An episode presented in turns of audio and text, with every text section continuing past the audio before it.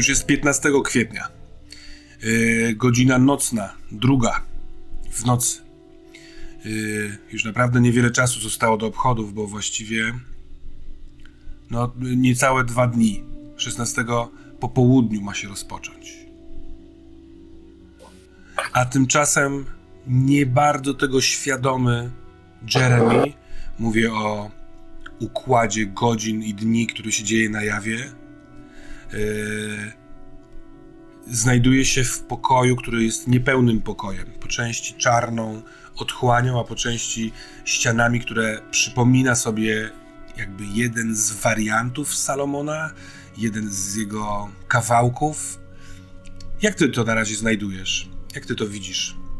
Pozwól mi poznać twoje myśli, Jeremy.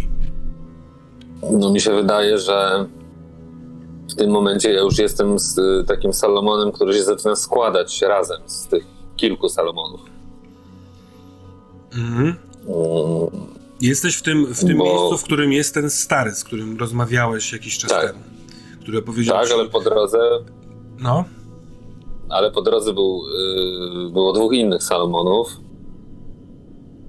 I wydaje mi się, że, a przynajmniej, no tak mi się wydaje, a jak jest w rzeczywistości, to nie wiem, ale mam nadzieję przynajmniej taką, że to już jest taki Salomon, który się zaczyna trochę budzić z, tej, z tego rozczłonkowania. Mhm. Z takiej schizofrenii sennej, jakby, że on jest y, ilomaś Salomonami naraz jednocześnie, którzy w gruncie rzeczy o sobie za dużo, znaczy coś tam niby wiedzą, nie? Bo to też jest tak, że oni wcześniej o sobie za bardzo nie byli w stanie mówić, a ten ostatni już był coś w stanie mówić, nie? ten ci poprzedni też trochę mogli, a trochę nie mogli. Mieli świadomość, że czegoś im brakuje. Jeden nawet, e, właśnie ten starzec chyba powiedział ci, że wyobraża sobie siebie jako taksówkarza, jako młodego tak. chłopaka ze szkoły, jako kogoś w wieży, kto się uczy. E, no ale... no ale on już wiedział, ten ostatni już wiedział o tym, że jakaś kobieta wsiada do taksówki tam, gdzie on jeździ jako y, taksówkarz Salomon i że ona jakby wykorzystuje trochę go do znajdywania takich ludzi. No właśnie.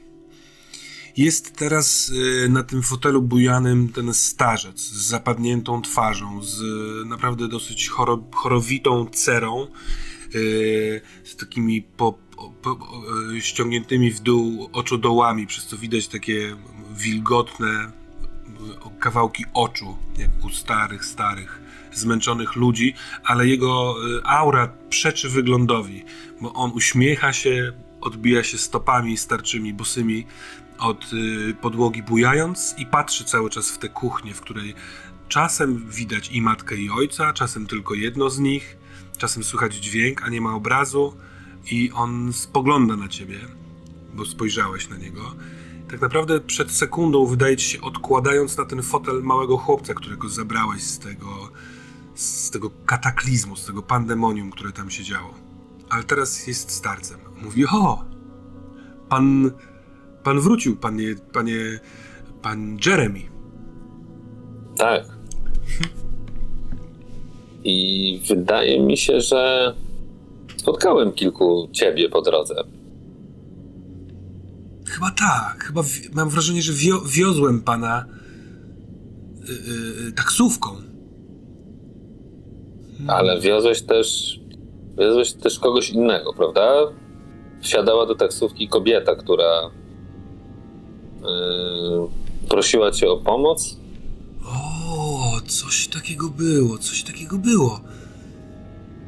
Niech pan pozwoli, że się zastanowię, bo Pan był taki miły dla mnie. Pokazał mi pan e, kuchnię i razem ze mną oglądał ten piękny obrazek. Poza tym mam wrażenie, że pan mi bardzo pomógł.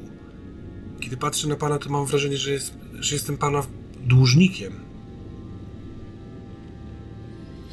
Nie tak, wiem, tak, nie pamiętam, pamiętam, że pamiętam zapach perfum, dosyć intensywny, ale ładny.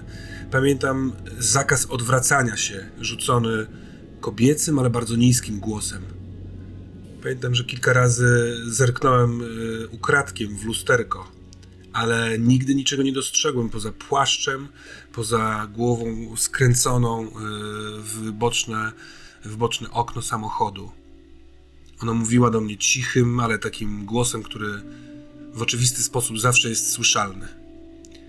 Mówi, że będę mógł być wielki przy niej, jeśli jej będę pomagał. Nie będę musiał być tylko taksówkarzem, tylko będę mógł być czarodziejem. Jeżeli A co będę ci pom- pomagał. A na czym polegała ta pomoc? musiałem wyszukiwać wśród swoich pasażerów osoby, które uważam, że są. Jak to było? Nie pamiętam. To takie trudne, tak jakbym nie mógł. Nie, mam dostępu do części swoich wspomnień. Ona mi zwraca, kazała zwracać uwagę na osoby, które. które widzą albo słyszą więcej. O tak to Mhm. sformułowała. A powiedz, Pamiętam, że później długo siedziałem przy komputerze, szukając ich. a jak ona się od ciebie dowiadywała o nich? Oj. W taksówce. W taksówce mogłem ją spotkać. Ona co jakiś czas po prostu wsiadała do taksówki, kiedy wiedziała, że mam dla niej coś do powiedzenia. A czy umielibyśmy tak Ale zrobić, to było na żebyś- początku. A potem? A potem robiłem to przez komputer. Kiedy nauczyłem się go obsługiwać. I spotykałeś się z nią wtedy, czy już tylko przez komputer? Spotykałem się z nią też wtedy. W pewien sposób, nie wiem czy mogę tak mówić, zaprzyjaźniliśmy się chyba. Ale właściwie nie wiem, bo teraz tak długo już jestem w śpiączce i nie mamy z nią kontaktu. A czy mógłbyś napisać do niej na tym komputerze? On się rozgląda po tym pokoju. No i nie, ale to jest y, obraz z 40 któregoś roku. Tu nie ma komputerów. Jak to nie ma? Ja wstrykam palcami i pojawiam komputer. A jaki Taki laptop. Mhm. E, laptop Aha. e, Apple'a, taki srebrny, z takim jabłkiem. Oho! O! Wyciąga ręce, nie chcąc schodzić z fotela. Podaję mu. Więc on bierze go, otwiera. Yy, przez chwilkę patrzy taki. Ojejku, jakie cacko, coś w tym stylu. Trochę tak jakby może niekoniecznie. A może po części jest cały czas tym chłopcem w roku 40 którymś i właśnie dostał przedziwne, płaskie, błyszczące urządzenie, ale yy, sekunda za sekundą on doskonale wie, co robi. I widzisz, że kiedy już kładzie ręce na klawiaturze, to jak wprawny nie wiem, pracownik komputerowy. Wiesz, piszący obiema rękoma bez patrzenia na monitor, po uruchomieniu zaczyna szybko bardzo klikać. Zapatrzony w ekran. Widzisz, że zmienia się światło w tym pomieszczeniu. Tak jakby za twoimi plecami kuchnia wygasła, a powiększyło się światło świecące z monitora na jego twarz. I coś zaczyna się zmieniać wokół też masz wrażenie, że mm, jesteś w nie najlepszym miejscu, żeby to obserwować. Potrzebujesz innej perspektywy. Robisz krok w bok i widzisz, że to nie jest już fotel bujany, tylko bardzo wygodny fotel komputerowy. Na y, komputer leży na biurku, a na fotelu siedzi chłopiec. Paronasto może letni, 11-12-letni, w krótkich spodenkach, w białym t-shircie, w takich trochę za dużych skarpetach sportowych. Stopy mu nie dosięgają do podłogi, sobie dynda nimi. I jest bardzo podobny do Salomona, którego poznałeś na samym początku we śnie. Tylko twarz została starsza. Nie jest aż tak niezdrowa jak przed chwilką, bo to światło komputera też ją wygładziło, tak jak byłoby sprzed kilku lat. Może rzeczywiście on już był stary, kiedy dostał ten komputer i on klika. A kiedy klika, to widzisz, że jego dłonie połączone są z klawiaturą. E, Palce są takie trochę artretycznie powyginane, ale chyba trochę e, aż przerysowane. To jest bardzo długie, kanciaste palce, które szybciutko klikając nie odrywają się od klawiszy, tylko ciągle z nimi są złączone. I on spogląda na ciebie. Kim jesteś? Jak? Jeremy. Jak mnie tutaj znalazłeś? On cały czas klika mówiąc. Z- znamy się. Jeździłeś taksówką, mieszkałeś w takim domu drewnianym, z bujanego fotela obserwowałeś swoją rodzinę. Jesteś pracownikiem hospicjum albo innym pacjentem? Nie. Jesteśmy we śnie. No wiem. Ale nigdy wcześniej tutaj ciebie nie widziałem. W moim biurze. Mm. Tak, przyszedłem do ciebie i poprosiłem cię o coś. I w ten sposób znaleźliśmy tutaj. Tak naprawdę rozmawiałem z tobą jako starym człowiekiem. A, A na, i dałeś mi komputer w tym pokoju. W moim pokoju z Tak. dzieciństwa. O, Tak dziękuję. Czego potrzebujesz? ale znamy się długo. Czemu mnie znalazłeś? Chciałbym, żebyś pozwolił mi skontaktować się z kobietą, o której, mówił, której mówiłeś o ludziach, którzy więcej widzą. Kim ona jest? Podobno kontaktowałeś się nią, z nią najpierw e, w ten sposób, że wsiadała do ciebie do taksówki, a potem zacząłeś z nią rozmawiać przez komputer. Wiem, chodzi ci o praco pracodawczynię. I Nie wiem, jak się z nią Kim ona? skontaktować. Widywałem się z nią tylko i wyłącznie przez, w, w taksówce. Wysyłam jej czasami informacje przez komputer. Jeżeli chcesz, to mogę to zrobić. Chociaż teraz cały czas badam inne rzeczy. Nie mogę A przestać szukać ludzi. Obecnie, Ja też szukam ludzi. obecnie sprawdzam, co mieści się w pewnej niewielkiej miejscowości na Saharze. Czemu akurat na Saharze? No, znalazłem człowieka, e, który. y, tam jest jego adres IP, a bardzo dużo czasu spędza na stronach y, internetowych, które są. tra- traktują o snach. Ale nie powinienem ci tego mówić bez zapłaty, chociaż z drugiej strony mam wrażenie, że jestem twoim dłużnikiem. Czy ja ci jestem winien jakąś przysługę, o której nie pamiętam? Może troszkę. Nie przesadzałbym. Ale Salomonie, my się znamy od lat. Nie z tobą, ale z, nie, nie z tym tobą, ale z innym tobą. To ty wyciągnąłeś mnie z ganku do domu. Tak. Bardzo się tym wzrusza. Pierwszy raz wyprostowuje się od komputera, łzy pojawiają się w jego oczach, jego palce z takim mlaskiem odczepiają się od klawiatury.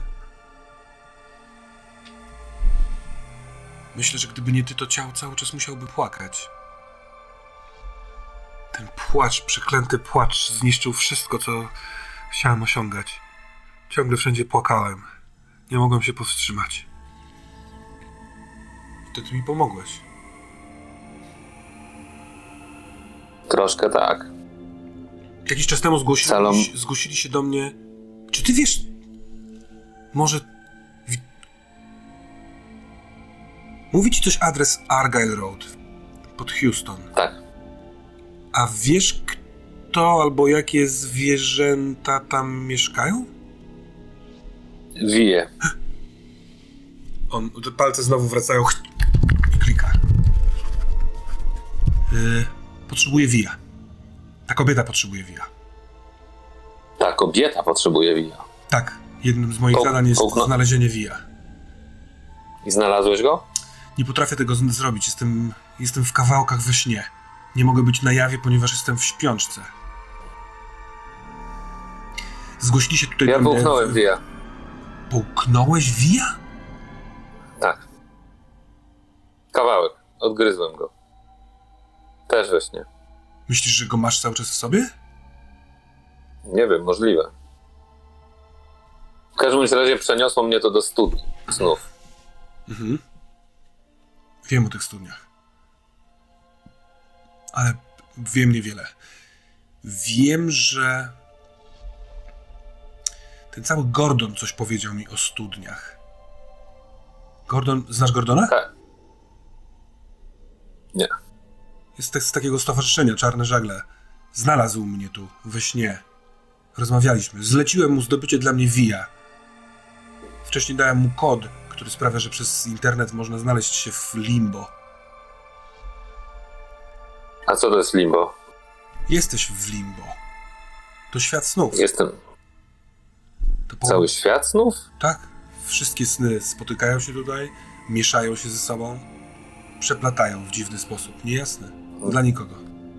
Czekaj, czekaj, ale to nie jest trochę tak, że my jesteśmy teraz w twoim śnie?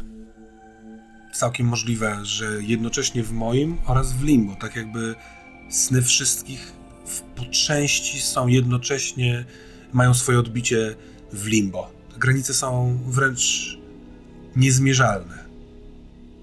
Dobrze, a kim jest ta pracodawczyni? Nigdy się nie odwróciłem, ani nie zadałem pytania. To jest jedna z tych osób, których nie pytasz o takie rzeczy. Ale podobno obiecywała ci, że zostaniesz magiem snów. Nie. Obiecała mi moc. I dostałem ją. I co daje ci ta moc? Mm.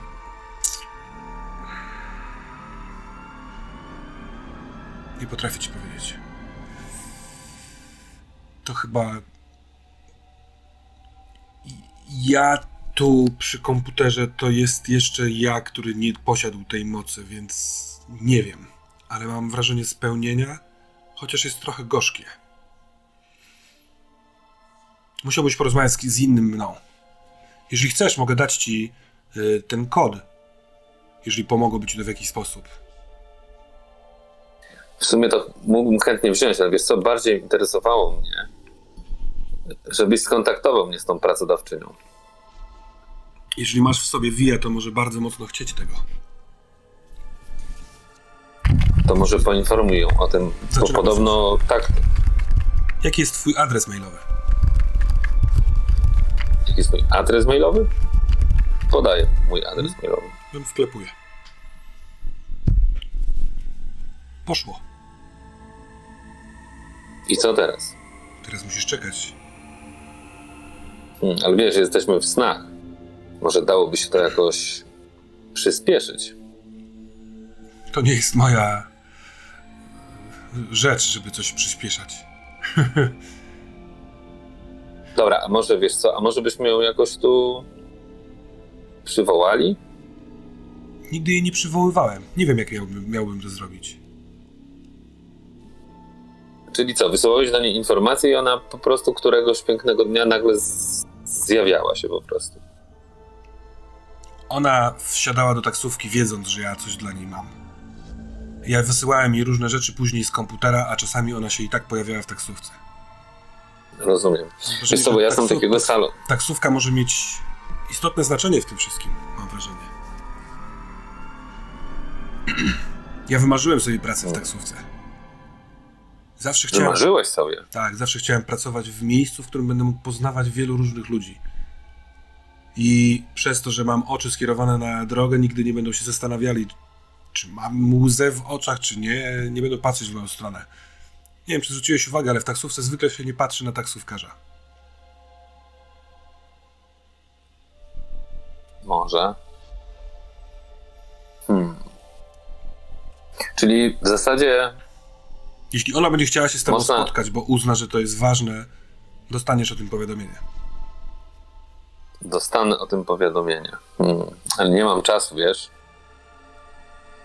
Bo jutro albo jakoś tak To może chcesz spróbować z, od, z poziomu jawy. nie mogę za bardzo wrócić na poziom jawy, wiesz?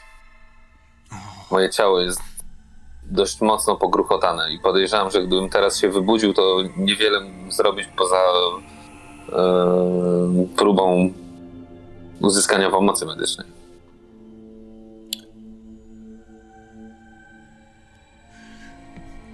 Myślę, że chodzisz po tych Ale ale, niewiele, niewiele o nim wiesz.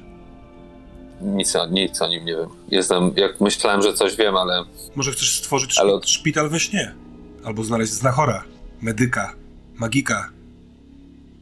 Może chcesz yy, znaleźć miejsce, w którym igły z nawleczoną nicią zszywają wszystkie rany. Albo piękne kobiety, które Są te- nastawiają złamane kości. no co ty mówisz? Wydaje mi się, że śnić można o wszystkim. No można, ale czy to będzie miało, wiesz, przełożenie na rzeczywistość? Na Nie tą wiem. poza snem. Jestem tak jakby stworzony tylko do tego, żeby tu siedzieć, wpisywać spostrzeżenia, które znajduję w internecie. Udało A mi się- poczekaj, poczekaj, poczekaj. A czemu, a czemu w ten sposób nie obudziłeś się ze śpiączki? Używając snu? No, Nie wiem jak. no możesz przecież wyśnić specjalną... Nie do końca rozumiesz. Pomiędzy tobą a mną jest pewna różnica. ty sprawiasz wrażenie człowieka, który podróż, podróżuje po snach. A ja jestem jedną z wielu części kogoś, kto jest w śpiączce. Nie zasnął dobrowolnie. Wydaje mi się, że powód mojego zaśnięcia jest także związany z czymś, z czymś, co sprawia, że ciągle jesteśmy zdefragmentowani. Nie mam mocy. Mogę być tylko oczami wlepionymi w komputer. Jedyne, co mi się udało, to znaleźć kilka tropów, wysłać do niej przez internet. Oraz znalazł mnie ten cały Gordon z czarnych żagli. Zacząłem z nim handlować. Jeżeli przyniesie mi via, dostanie ode mnie drugi kod. Wiesz co, Salomonie, to nie jest do końca tak, bo ratowałeś mnie dwa razy, co najmniej. W trudnych sytuacjach, ze snu, który ewidentnie nie był moim snem. To nie ja! Nie A rozumiesz? Może inny ja?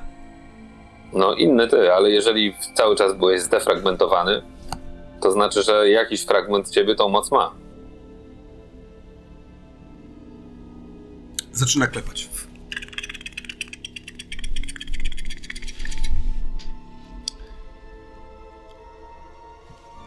Nie potrafię znaleźć nikogo innego, kto byłby mną, nawet w sferze internetu.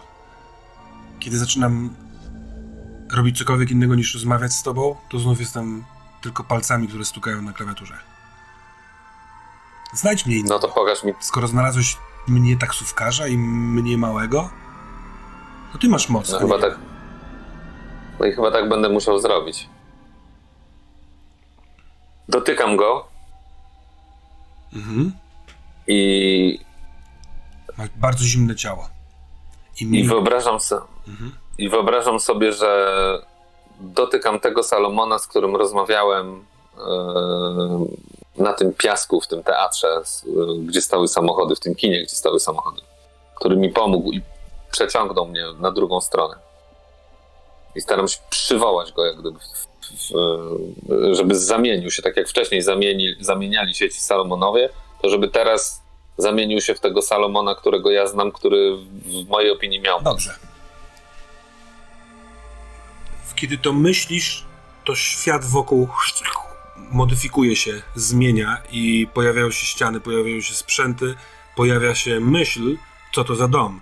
I znajdujesz się w swoim mieszkaniu, w swoim lofcie, na łóżku, tak jakbyś położył się spać. Yy, widzisz ciuchy, które są mocno okrwawione, pościel okrwawioną, ale nie czujesz bólu. I na łóżku siedzi ów Salomon, ten, którego oryginalnie poznałeś, który kiedy tylko otwierasz oczy w jego stronę, robi mów szeptem. Za chwilkę wrócimy, ponieważ w domu na Keystone, yy, w domu Miltona w środku nocy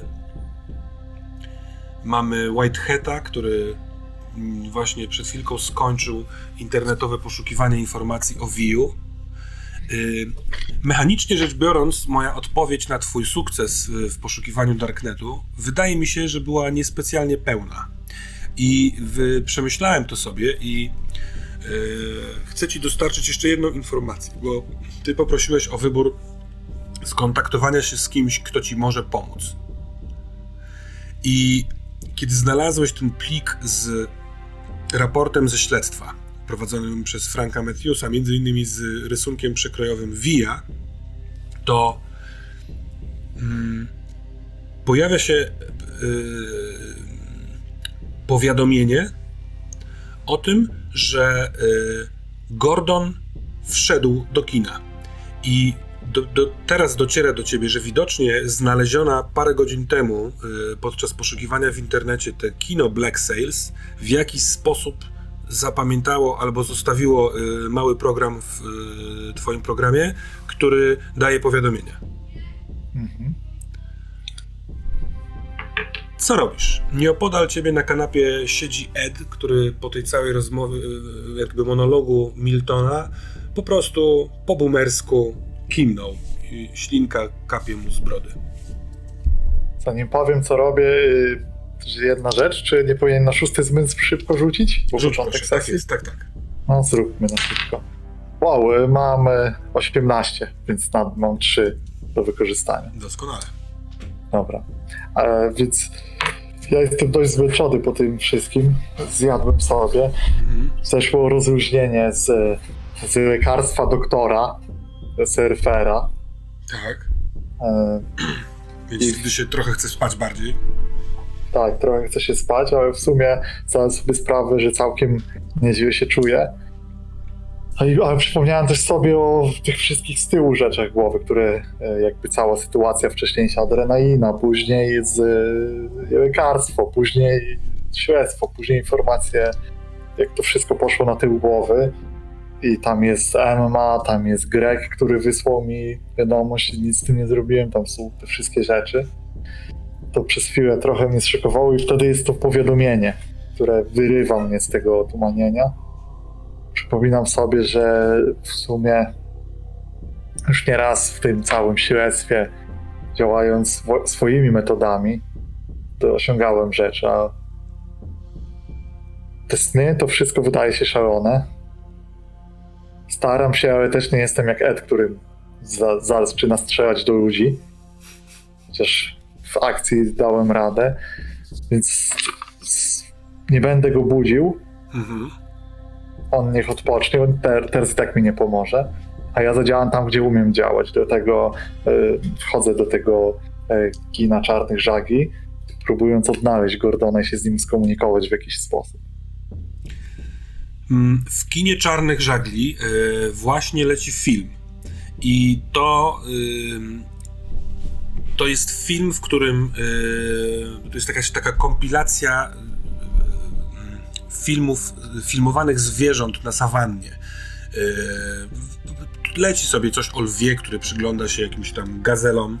E, No, dosyć dziwne jak na, na Darknet, ale e, może dojdzie tu do jakiegoś polowania i będzie krwawo, a może po prostu taki jest wybór. Siedzi kilka, znowu widzisz te kino od góry, tak jakby się wchodziło od, od góry i widzisz e, oparte o fotele różnego rodzaju awatary, ale e, jest awatar, przy którym jest, bo przy większości są małe niki i jest jeden, przy jednym z nich jest e, nick Gordon. To ja y, przede wszystkim sprawdzam opcję, czy mogę skustomizować swój awatar i szukam, Mhm. żeby ustawić sobie białą czapkę. Okej. No bo teraz czuję się trochę pewniejszy siebie. E, sprawdzam, co się przy mnie wyświetla, czy mam jakiś ten. Jakiś, Przy, to- przy kustomizacji e, możesz wpisać sobie, bo na razie jesteś user 41. no to robię WH po prostu. Okej. Mistrz Incognito w Darknecie. I po czym e, szukam, e, próbuję gdzieś tam wyklikać, zobaczyć na Go- Gordona, jego może nick nacisnąć i zobaczyć, czy jest opcja prywatnego czatu. Kiedy klikasz na e, jego ten, ten nick, to ten jego awatar zwraca się w twoją stronę. I o ile wcześniej był czarnym takim, nie wiem, pagórkiem czy wzgórkiem, okazuje się, że to jest taki gotycki metalowiec z długimi czarnymi włosami leżącymi na ramionach, w czarnej skórze i w całkowicie na biało pomalowanej twarzy. I kiedy się ta twarz odwraca w twoją stronę, to pojawia się chmurka i w, nej, w tej chmurce napisane jest prywatna rozmowa i ze znak zapytania. Mhm. Staram się to zaakceptować. Mhm. Jeśli kliknąć na to. No, kliknąć, to chyba raczej jest opcja. Nie wiesz, czy on spojrzał na ciebie, czy w ten sposób yy, możesz sprawdzić, jakie są opcje w nim, w tym awatarze. Więc kiedy na, na, na, na, suwasz kursor na te y, pytanie prywatna rozmowa, to hyc znajdujesz się w pokoju, tak jakby przesłuchań policyjnych. Yy, są te weneckie lustra na dwóch ścianach. Na trzeciej ścianie są drzwi, za tobą yy, nie do końca wiesz, co jest, a naprzeciwko ciebie w tym pokoju siedzi sobie właśnie on, taki metalowiec. Duży, potężny mężczyzna, może z jakiegoś gangu wręcz, ponieważ na tej skórzanej kurtce ma naszywki różnego rodzaju i mówi, kto ty jesteś? Mhm. To z, y, patrzę na Eda, czy chrapie, patrzę, gdzie jest Milton. Ed chrapie, a Milton stoi parę kroków od Eda i przygląda mu się, ale masz wrażenie, że zasnął na stojąco albo w, jest w jakimś transie, bo jest taki stojący, zawieszony i delikatnie się buja. Przechodzę gdzieś kawałek, żeby ich nie pobudzić i odpalam e, w prze- przeglądarce możliwość używania mikrofonu. Mhm. tej aplikacji daję. E, po czym mówię: Nie jest ważne, kim jestem, ale ważne, co mogę załatwić. No to dawaj. Wije. Mówi, mówi ci coś wi? Zamiast jego oczu pojawiają się znaczki dolarów kręcące się, złote takie. Trrrr, potem znowu z powrotem oko, oczy i mówi no, a jestem zainteresowany. Co wiesz o wijach? Wiem sporo, ale ja też szukam informacji. Ty Zastanawiam jesteś... się, czy ty, czy ty je masz. Wiem, kim jesteś. A ja wiem, kim ty jesteś. I wiesz, że mam twojego kumpla. Wiem. Dlatego z tobą gadam. No to w w razie... tym momencie y, ta, taka notatka Whitehead zupełnie błyfował w tym momencie, bo nie wiedział. W takim razie ja też wiem, że dostanę od ciebie wija. Chyba chcesz kolegę ujrzeć z powrotem, co nie? Ale w takich sytuacjach wiesz dobrze, że potrzebuje potwierdzenia, bezpieczeństwa, że wszystko z nim ok i że możesz go wypuścić i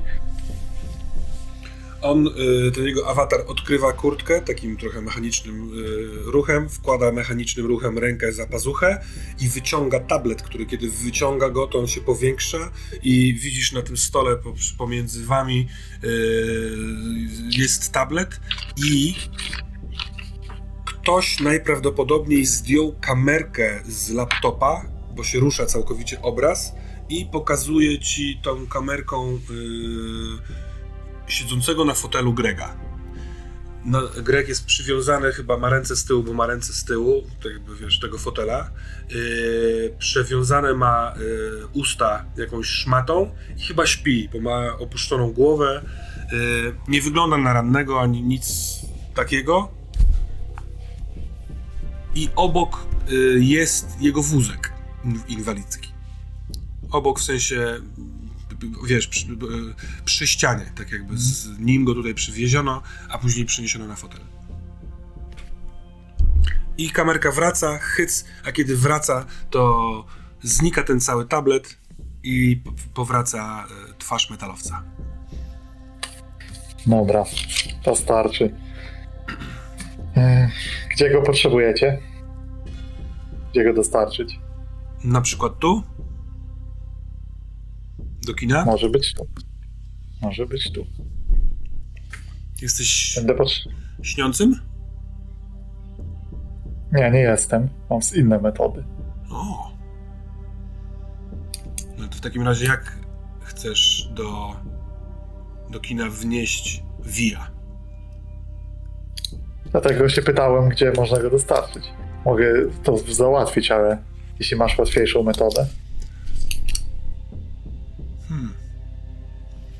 Myślałem, że jesteś śniącym, więc po prostu będziesz wiedział, jak do mojego kina trafić z y, krainy snów razem z Wiem, którego stamtąd sprzątniesz. Ale jeżeli nie jest... Ewentualnie możesz mi dać kod do chodzenia.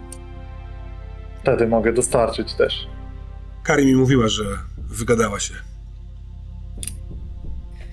Dobra. Zróbmy to.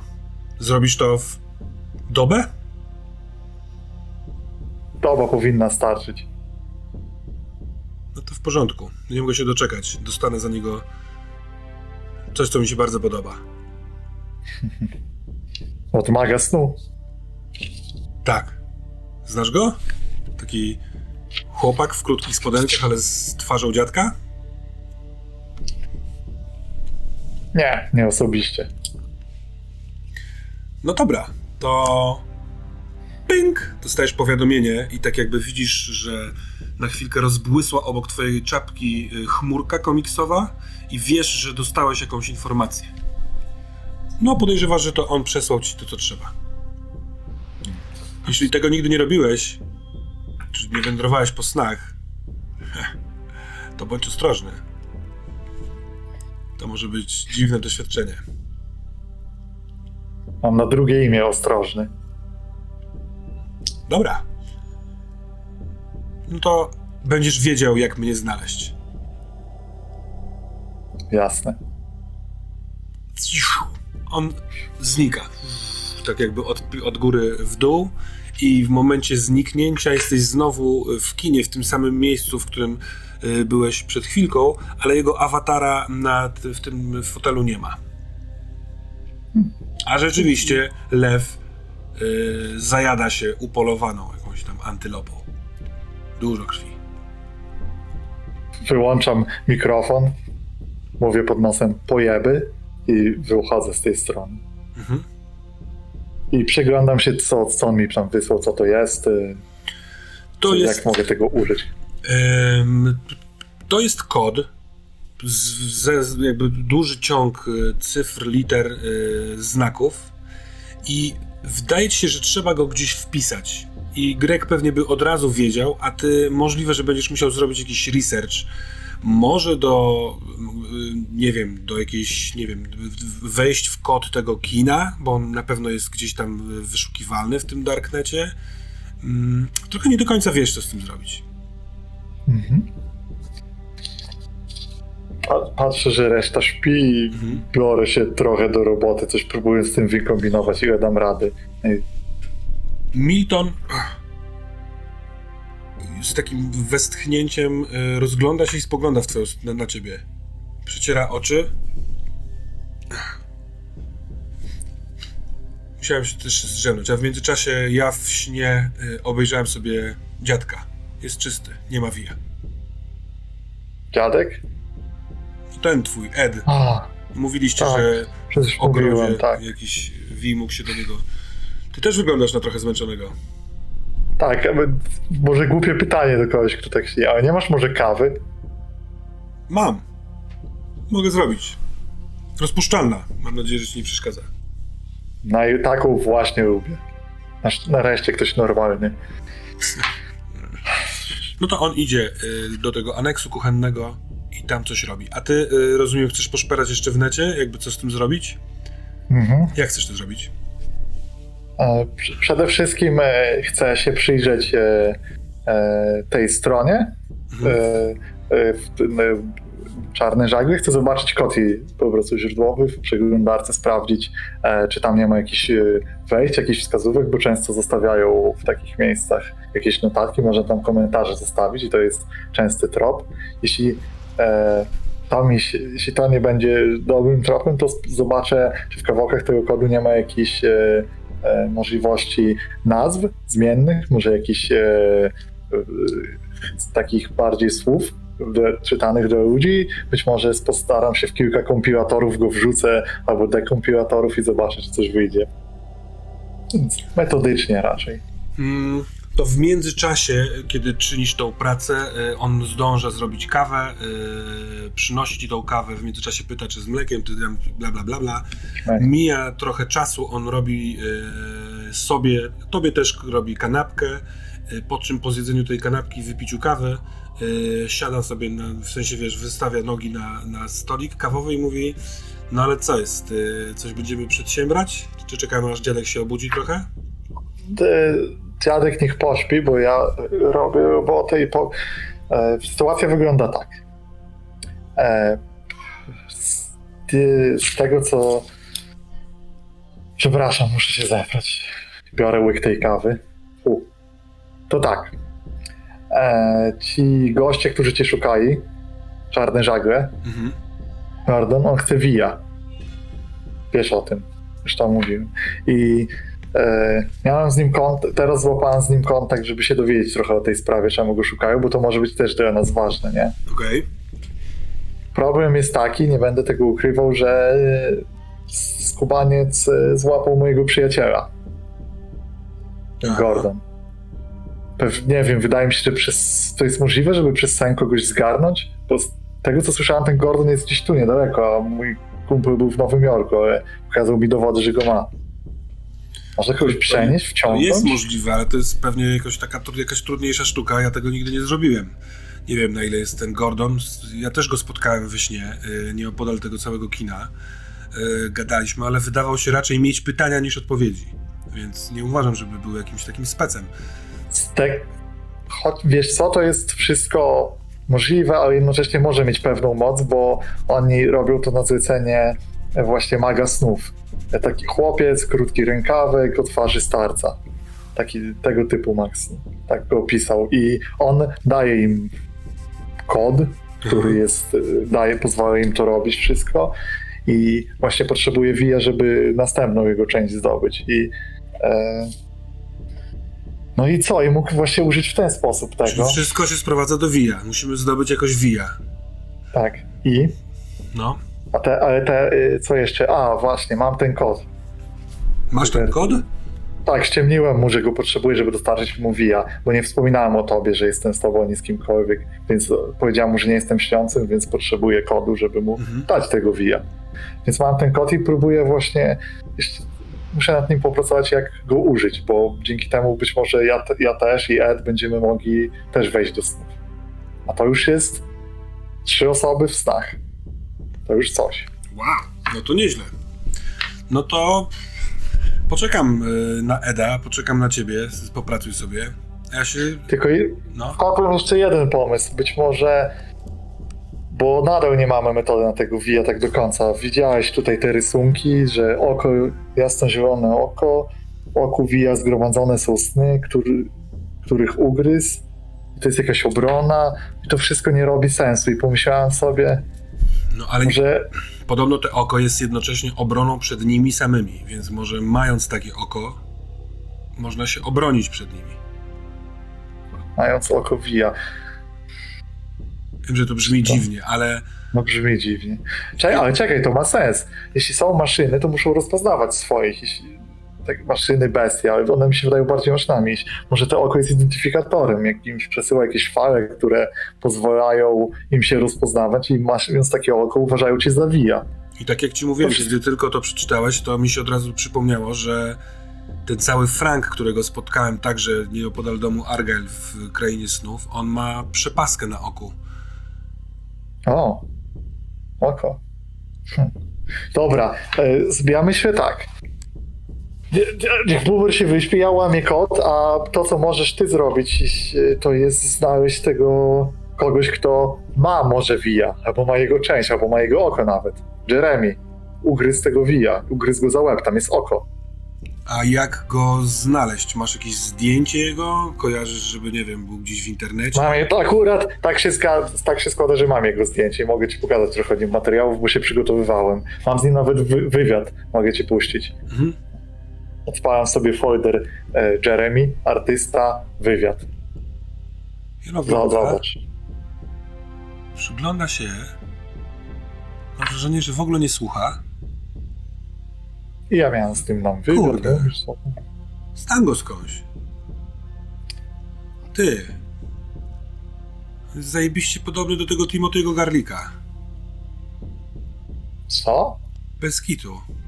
Bez brody. To sama twarz. Hmm. No, jestem Naprawdę? pewien. Tak. Taki sam układ oczu. Czekaj, Tak samo sprawdzam swoje materiały. No. Sprawdzam swoje materiały o Timothy Garricku, bo go szukałem. Jego sprawy. Mhm. Tam było zdjęcie. Tam było zdjęcie jego z, z prawa jazdy e, sprzed wielu lat i kurczę, jak teraz on ci to powiedział, to rzeczywiście to jest. Podobieństwo było mm, jakby niedostrzeżone wcześniej przez to, że nie ma brody na tamtym zdjęciu oraz on jest tam takim nastolatkiem, ale y, na tym zdjęciu. Natomiast wiesz, czasami tak jest, że wystarczy, że ktoś coś powie i zaczyna to tak Mhm. trochę wyglądać i jest tak, kurczę, no ty też dawno dużo tego Jeremiego się nie naoglądałeś na żywo, ale wydaje ci się, że jest podobieństwo. Wow. Bracia? A wiesz, gdzie on ewentualnie w tym śnie może być? Czy mówił ci jakiś, gdzie przebywa, albo... Hmm. Nie. On, co ostatnio mi mówił, znaczy nie, to później go widziałem, ale on mówił, że e, robi jakąś pracę, makietę na te właśnie e, obchody, co 16 mają być. To to wiem, Aha, a później byliśmy w samochodzie razem i ty wtedy cię gonili i on wtedy zasnął, stracił przytomność i zniknął. To to ostatnie wiem, czyli może być gdziekolwiek, nie? Ale może coś właśnie z tym. To, bo, bo jest, jest coś takiego, że jak się dużo coś robi, to się śni potem o tym, nie? tak. To może właśnie jeśli on pracował nad tym, to on o tym może gdzieś śni, może to jest jakiś. Dobra, dobra, no to ja we śnie spróbuję się rozejrzeć, a y, A ja się tutaj trochę kimnę też. My się trochę szyb, szybciej męczymy obaj, dlatego bo mam teraz jakby dwa ciała do ogarnięcia. Mhm. Jest trochę creepy to zdanie, ale on y, przez chwilkę się jakby widzisz, że zamyśla, tak jakby trochę, nie wiem, był w kontakcie z samym sobą we śnie, a potem opiera się wygodnie, zasypia, a ty dostrzegasz, że ten kod, który dostałeś od tego typa, od Gordona, zaczyna się i kończy y, szeregiem znaków przystankowych. I jest miejsce w kodzie tej strony, w których y, tak jakby te dwa szeregi są obok siebie. Tak jakby kod został już przygotowany przez tego Gordona albo przez tego ktoś, kogoś, kto mu dał, żeby go wepchnąć w odpowiednie miejsce. Hmm. I drży trochę palec, bo jesteś od jednego kliknięcia, nie mając pojęcia, co się stanie. A my przenieśmy Uśmiecham się. Cięcie. Do Jeremiego. E, No i co masz w planach?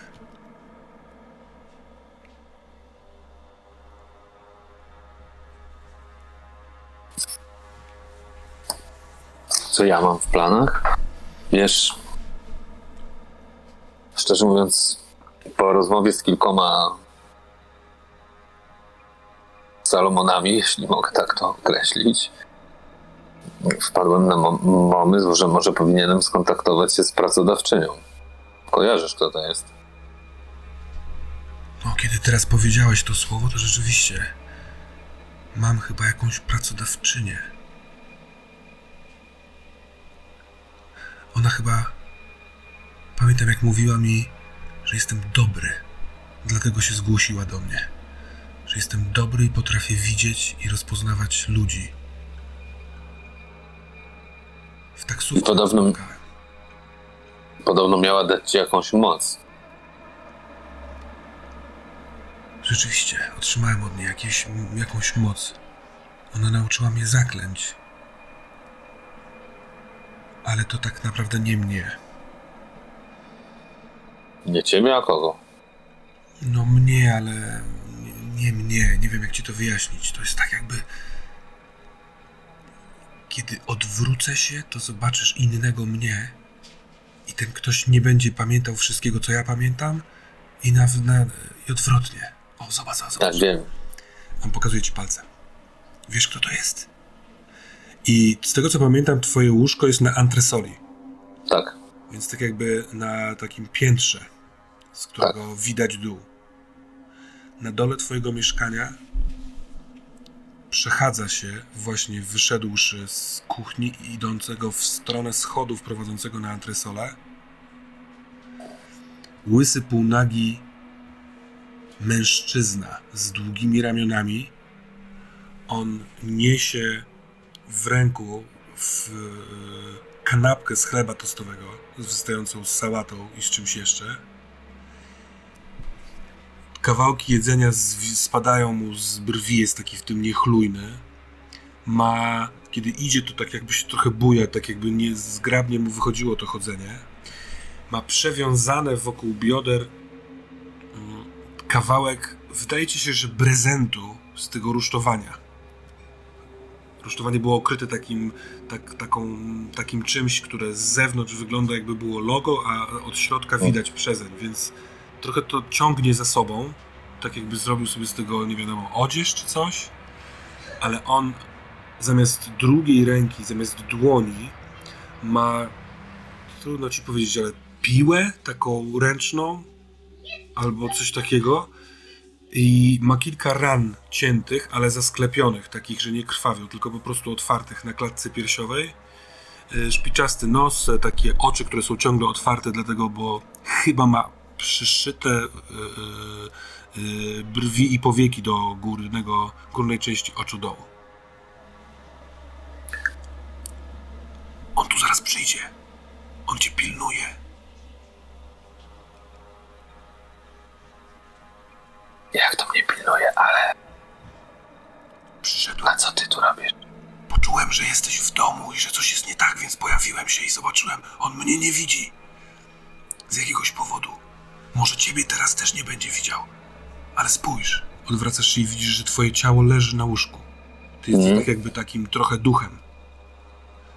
I to ciało rzeczywiście ma pogruchotany bark, bardzo blada twarz, krew zaschnięta, jakby wyciekła z nosa i z ust. Tutaj masz tą, wiesz, szarpaną ranę na boku szyi. Tylko, że leżysz na plecach, to pleców nie widzisz. Słyszysz kroki na schodach. Tak Na schodach? Tak, no bo to na tą antresolę prowadzą kroki, Mm. schody, y, Mm. takie kręcone, metaliczne, plaskają stopy, najprawdopodobniej nagie. Bosy Mm. właściwie. Jeśli będziesz się budził, to lepiej, żebyś się nie obudził tutaj. Nie wiem, Wiem. jak to zrobisz.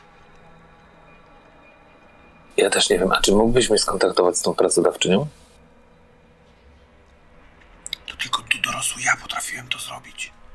Ja jestem dobrym dzieckiem, które miało chronić ludzi, którzy są tutaj, mówię, mówić im dobre zakręty w snach, więc to robię. Lepiej się z nim nie spotkaj tutaj, ani na jawie, ani we śnie, yy, yy, ani we śnie. Hmm. Wyłania się z tych schodów on, ale już wiesz, że coś poczuł, bo zmieniło się te, tempo tych kroków. Już nie jest taki, wiesz, wracam z kuchni z kanapką tylko czujny. Najpierw pojawia się głowa. Ta głowa rozgląda się. Od razu widzisz, że was nie widzi, bo przelatuje przez y, łóżko i tylko dostrzega oczami y, leżące twoje ciało. Ale niucha. Mm. Ten gagatek umie, umie śnić chyba. Dobrze, poczekajmy, niech się obudzi. Gryzie. Kiedy gryzie, widzisz, że jest zęby ma naostrzone jak szpikulce. Yy, nie takie ludzkie, tylko takie bestialskie. Ta twarz jego jest bardzo biała.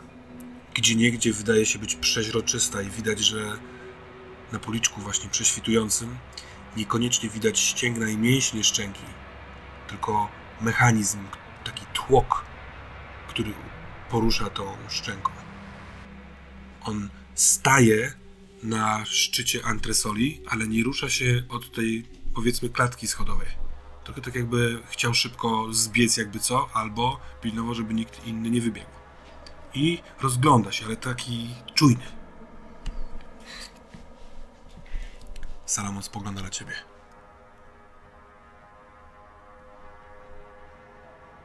Zadaje pytanie, widzisz, że nie chce nic mówić, może boi się, że będzie, będzie słyszalny. Pochyla się w twoją stronę, wyciągając tak jakby jego usta się wyciągają w stronę twojego ucha i on mówi jeśli wejdziesz w swoje śpiące ciało, to będziesz mógł stamtąd przenieść się gdzie chcesz. Spróbuj znaleźć jakiegoś innego mnie. Coś mi się kojarzy, że najmądrzejszy ze mnie ma długą, siwą brodę. Dobra. To powoli wchodzę w swoje ciało, czyli kładę się jak gdyby tak, jak leżę. mięśnie brzucha, których kurczę chyba w tym śnie nie masz, ale mimo wszystko naprężają się, kiedy powoli, próbując nie wydać żadnego dźwięku, wkładasz się w swoje ciało. Jest taki moment, kiedy jesteście zetknięci, jesteście jednością i masz wrażenie, I w, że... tym, No, I w tym momencie myślę sobie, wyobrażam sobie Salomona z siwą brodą i mówię, yy, i wyobrażam sobie, że tam idę i mówię, już. I staram się przenieść się tam po prostu do niego. to rzuć proszę na swój yy, atrybut śpiący. Jak to się nazywa? Zaleta. Daleko? 12. Zapach jest e, świeżego powietrza, powiew wiatru. E, słyszysz też poszum, e, dźwięki ptaków, ewidentnie gdzieś w przyrodzie. Masz zamknięte oczy, bo tak zwykle mają śpiący, śpiący ludzie, a przed chwilką byłeś w śpiącym ciele, które kiedy włożyłeś w nie ducha, jęknęło takiego przez sen, co zwróciło uwagę momentalnie tego dziwnego stwora, ale ty nagle jakby właśnie zmieniły ci się te wszystkie wrażenia.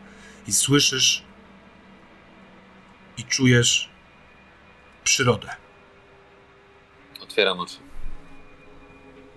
Jest jak w bajce. Stoisz na takim jakby płaskowyżu, który wyrasta z lasu. Ze sobą masz olbrzymią knieję. Możliwe, że tędy można byłoby tutaj dojść. A poniżej z tego, tego płaskowyżu jest, roztacza się dolina. Właściwie w całości ta dolina y, jest wypełniona jeziorem, y, które absolutnie lazurowy, lazurowym kolorem odbija światło słońca. W południe te słońce na pięknym, jasnym niebie latają tylko ptaki, jakoś tak dużo tych ptaków, tak jakby ktoś chciał zmieścić w obrazie wszystkie ładne ptaki latające w takich miejscach. I po drugiej stronie tej doliny e, wznosi się wzgórze e, łąką, wysokim, zielonymi, wysokimi trawami i z tego wzgórza wyrasta zamek, a właściwie wieża.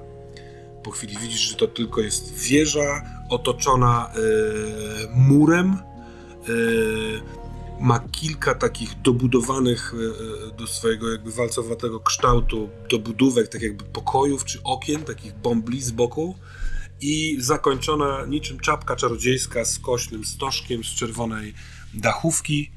Yy, Nieopodal tej wieży nad jeziorem jest łódka przy takim em, pomoście, przy takim molo, a na ostatnim piętrze wieży, w ostatnie pię- piętro wieży jest otoczone balkonem, takim tarasem. I na jednym z tych balkonów stoi mężczyzna w błękitnej szacie y, z białymi takimi wypustkami, możliwe, że to jakieś chmury albo łaty albo coś takiego. Opiera się o balustradę, ma długą siwą brodę, która zwisa mu za- poza tą balustradę i klasyczną merlińską czapkę czarodzieja. Ogląda Czy ja dobrze rozumiem? Teren, teren. No, Czy ja dobrze rozumiem, że on jest jakby po drugiej stronie jeziora? tak. On jest po drugiej stronie jeziora. y, y, No jest to jakiś taki, wiesz, gdybyś miał iść stąd tam, to byś szedł z dwie godziny co najmniej. Dobrze, rozglądam się wokół siebie. Czy coś jest wokół mnie? kiedy odwracasz się, to e, widzisz, że las jest czymś zupełnie innym. O ile ten pierwszy widok to sielanka, idylla i wiesz, e, klekot bocianów, że tak powiem, to kiedy się odwracasz, to drzewa są mega gęste w tym le lesie, więc od razu widzisz, że słońce się tam nie przebija, że tam jest mroczno, gęsto i bardziej słychać owady niż ptaki. Mhm. Y, jakie ja mam odczucia w ciele? Boli mnie coś? Nie, nie, absolutnie. Chociaż Mm, To patrzysz w lewo, to widzisz, że twój bark jest tak jakby ta kość tutaj, ta, nie pamiętam jak ona się nazywa, ona trochę wystaje pod krzywym, y, jakby złym kątem przez koszulkę. Mhm. No nie? Od razu dotykasz tu i czujesz lepką, yy, lekko ciepłą też yy, ciecz, krew. Więc te rany chyba są, ale one nie przeszkadzają ci we śnie. y, wyjmuję z kieszeni balonik. Okej. Nadmuchuję go. Jakiego jest koloru? Czerwonego. Okej. Jak już go mam nadmuchany, to wyciągam go przed siebie, Mhm. Trzymając go za to miejsce, gdzie nadmuchujesz. Tak? Rozciągam tak, żeby powietrze zaczęło z niego sz- szybko Tak, tak. wylatywać przez taką świszcząc taki, taki pi robiąc. Mhm. I ten balon unosi mnie do góry, a ja lecę za nim nad tym jeziorem w stronę tego, tego, tej wieży i tego Merlina. Okej. Y, Wzlatujesz y, nad, tą, nad tą przepaścią. No i przez chwilkę mimo wszystko jest odruchowy strach, taki y, wręcz instynktowny, ale po chwili po pierwsze wiesz, że to sen, po drugie, że to twój możliwe, że sen, albo po części kontrolowany przez ciebie sen. Widzisz, że y, spogląda na, w twoją stronę ten, y, ten czarodziej, że on też to spostrzegł i masz wrażenie, że bierze zamach, jakby, tak jakby chciał wziąć wielki wdech. I ten balon trochę przyspiesza w twoją stronę, tak jakby on pomagał ci. Ale kątem oka widzisz, że jeden z y, brzegów jeziora, wcześniej tego nie dostrzegłeś, może tego nie było, ale teraz stoi przy brzegu olbrzymi statek wykonany z kamienia. Po chwili widzisz, że to jest imitacja Grand Campa. dokładnie taka sama, jaka jest, stoi w, na nabrzeżu portu w e, e, Texas City. Jest rusztowanie, ale ono jest takie wybiórcze. Nie ma prezentu, nie ma wszystkich podłóg. Trochę tak jakby ktoś próbował sobie przypomnieć albo wyobrazić takie. Jest tak jakby długa drabina od dołu prowadząca do e, miejsca na trzecim piętrze, w którym jest centralny punkt twojego obrazu. I na, tam, na tym rusztowaniu stoi mężczyzna, który się rozgląda jakby totalnie chyba nie widząc tego, co się dzieje przed nim. Jeziora, y, tych dwóch wzgórz po dwóch stronach tego jeziora, tylko on się rozgląda. Ma czer- czerwoną koszulkę polo, y, niebieskie dżinsy, jest dosyć wysoki, czarne włosy. Znam go? Nie. To lecę dalej. Czekaj, czy ty go widziałeś? Bo to jest Milton, ale czy ty go widziałeś w momencie, kiedy ty we śnie próbowałeś wejść do domu na Argo? Tak, on ze mną, on ze mną rozmawia. Tak, tak, tak, tak. No No to widzisz, że to jest on. Że to jest, no nie wiesz, może, może nie wiesz, że to jest Milton, ale wiesz, że to jest facet, który pomógł ci, wiesz, Mhm. opuścić dom z wijami. No tak czy owak chcę dolecieć do tej wieży. Dobra. Kiedy jesteś już blisko tej wieży, tego balkonu, to ten y, mężczyzna, ten czarodziej wyciąga rękę, która się wydłuża, wydłuża, wydłuża i chce złapać cię. Wyciąga takim gestem na zasadzie podaj mi rękę, to cię złapię. Podaję. Kiedy Też podajesz, to rękę. wypuszczasz na chwilkę balon, jest takie tąpnięcie powietrza, ale on cię pewnym ruchem chyc za nadgarstek i ups, ładuje do siebie. I oto oczywiście stoi przed tobą Salomon. Tylko, że w wersji Gandalf. Puszysta jak u Mikołaja siwa broda, wielka mądrość w oczach, wysoki, dostojny. Kostur jest oparty o, o, o ścianę tej wieży i mówi Witaj, Nazywam się Sal, jestem adeptem wielkiego stwórcy. Oczekiwałem ciebie. Wejdź. To mi miło. Wchodzę. Są drzwi balkonowe prowadzące do komnaty, która wypełnia całą tą górę y, wieży. To jest wieża czarodzieja. Co w takim pomieszczeniu na samej górze może być? Zakładam, że może być przejrzysty strop, żeby było widać gwiazdę. Olbrzymi teleskop, którym się można posługiwać, żeby się przyglądać. Mikstury. Wielki. No. Wiel- Wielki pulpit, na którym są księgi rozłożone. wielki kocioł, w którym można różne e, dekokty e, ważyć. Zwierzęta w klatkach, wypchane zwierzęta. Cała gablota wypełniona różnymi różdżkami. Ale jest, są też dwa fotele, a pomiędzy nimi niewielki okrągły stolik kawowy, dwie filiżanki, masz wrażenie totalnie z e, naszego świata, z których unosi się e, para ciepłego napoju. Usiądź, Jeremy. Tak masz na imię, Dziękuję. prawda? Tak, Salomonie. Tak, tak. Taksówkarz. Jest pewien, że mógłbyś pomóc mu w jego misji. Cały czas się niepokoi, że po prostu pozwolił ci wysiąść z taksówki, ale z drugiej strony wtedy pomogłeś chyba młodemu mnie. Tak było. Starał się A zebrać... ty pomogłeś. A ty pomogłeś też i mnie. W jaki sposób? A, wyciągając cię z tej zawalonej konstrukcji na nabrzeżu. No nie tylko. Wyciągnąłeś mnie też z yy, kina samochodowego. A, to też, to też, rzeczywiście. Składam się z wielu aspektów, które są bardzo pożyteczne w różnych momentach. Ja staram się akurat zgłębiać wiedzę i trzymać nas jakoś w garści. To powiedz mi, co ma się wydarzyć na obchodach rocznicy wybuchu? O, to ciekawe. To akurat jest kwestia zupełnie poza mną, nie interesuję się nią, ale wiem, gdzie się rozejrzeć. Bierze łyka Jak to, z tej jak filiżanki to, cię, to, i jak to cię to nie interesuje? On idąc do pulpitu odpowiada ci to są sprawy, którymi zajmują się inne wielkie potęgi. To nie moja w tym rzecz. Ja służę mojej pani, wielkiej stwórczyni tylko zadania od niej mnie zajmują. Aha. To ciekawe. Podchodzi do księgi, zaczyna przeglądać ją. Masz wrażenie, że kiedy otworzył kolejną stronę, to z niej też trochę jak z komputera świeci poblask takiego elektronicznego światła na jego twarz. A. Hmm. Podczas uroczystości ma dojść do ponownej eksplozji. Ta eksplozja ma sprawić, że bardzo wiele osób będzie przerażonych, będzie cierpieć, a to pożywka dla pewnego demona. Tak go sobie naz- nazwijmy. O imieniu Togarini. A co on ma wspólnego z tym całym Jean-Pierre'em? Jean-Pierre? Jean-Pierre? Pomóż mi, skąd go znamy?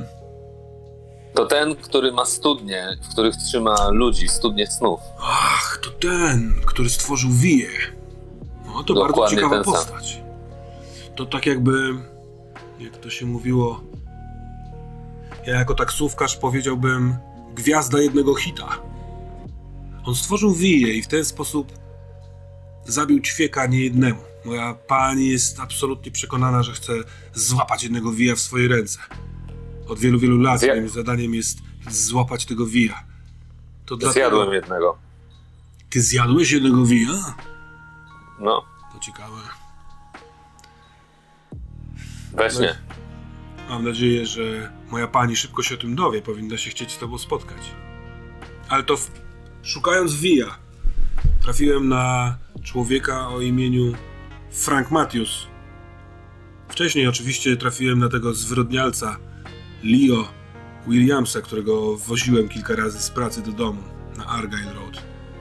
Frank Matthews to policjant, który badał jego sprawę. Od słowa do słowa okazało się, że jest w stanie wprowadzić mnie w krainę snów, wprost do tego domu pełnego wijów. Wtedy już moja pani wiedziała, że jakieś stwory tam istnieją i bardzo chciała jednego mieć. Zgodziłem się, on ugryzł mnie, ale to była moja zguba. Nie przygotowałem się na to, bo kiedy pojawiłem się w tym domu pełnym tego oślizgłego robactwa, to te ugryzienie, które zadał mi Frank, odczułem, że wciąga mnie do tego domu coraz głębiej, tak jakby tak jakby czekało coś pod podłogą, żeby mnie złapać. Więc czułem, że nie jestem w stanie nic poradzić. Spoglądałem na tego Franka, mówiłem pomóż mi, a on mówił nie wiem, nie wiem jak, nie wiem jak to zrobić. I czułem, że lada moment wciągnie mnie w tą studnię, bo widziałem już studnie, wiele studni w szparach pomiędzy deskami podłogi. I wtedy rzuciłem na siebie czar, jeden z zaklęć, jedno z zaklęć, którego pani mnie nauczyła. Czar ochrony. Natomiast potęga, która mnie wciągała, była taka silna, że zmodyfikowała ten czar, czar i rozbiła mnie na wiele, wiele różnych fragmentów. I jako nieposkładany w całość zapadłem w śpiączkę. Ale umknąłem tego przeznaczenia. Czyli, czyli da się ciebie poskładać z powrotem. Jestem pewien, że da. Właśnie dlatego studiuję cały czas księgi magiczne. Mam nadzieję, że pani kiedyś dowie się o moim kłopocie i wspomoże mnie mocą. Zaraz, zaraz, a ty nie masz z nią żadnego kontaktu? Nie. Ja czasem wołam ją z balkonu. I co wtedy? Nigdy nie zareagowała na mój krzyk. A jak ona się nazywa? Nie znam jej imienia. Nigdy się nie przedstawiła. Nazywam ją A znaczy, że... A wiesz jak wygląda? Mam wrażenie, że patrzę w niewielkie lustro i widzę drobną kobietę w prochowcu patrzącą w bok, więc widzę tylko jej profil, ale to dziwne, bo ten profil nie ma krawędzi, nie ma kształtu nosa, nie ma kształtu czoła, nie ma brody, tylko jest takim owalem o cielistej skórze. To ona stworzyła świat. Wiem, jak to zabrzmi. Kontrowersyjna teza. Ale ja to wiem czuję wewnątrz. No dobrze, ale to może wróćmy na moment od stwarzania świata do... Ty chcesz się z nią spotkać? Tak, chciałem się z nią spotkać. Chciałem się z nią spotkać, bo po pierwsze chcę uwolnić tych wszystkich ludzi z tych studni, dorwać tego Jean-Pierre'a i jednocześnie... To jest nieistotne. Możliwe, że to nawet dobrze dla nich, że tam są. On przechodzi się od pulpitu do drugiego pulpitu. Zaczyna Słucham cię? Przeglądać. E, słucham?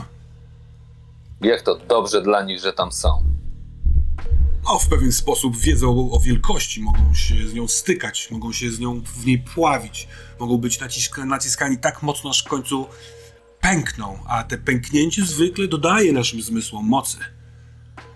Dużo łatwiej jest przebudzić się w ten sposób, niż wygodnie siedząc na fotelu i oglądając y, telewizor. O, mam.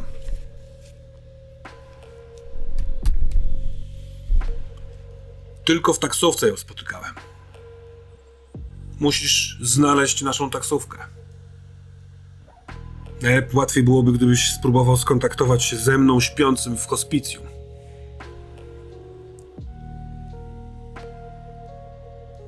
Po co? Przecież będziesz spał w hospicjum. A śniąc przy ciele, tym właściwym, możesz porozumieć się nie z fragmentami mnie, tylko z głównym mną, któremu brakuje całej Ale- reszty. Czyli musiałbym się dostać tam na jawie. Chyba tak, chociaż nie znam się bardzo mocno na krainie snów, zwanej Limbo. Wiem, Ty się nie znasz? moją sferą są zaklęcia. Ale zaklęcia, które robią co?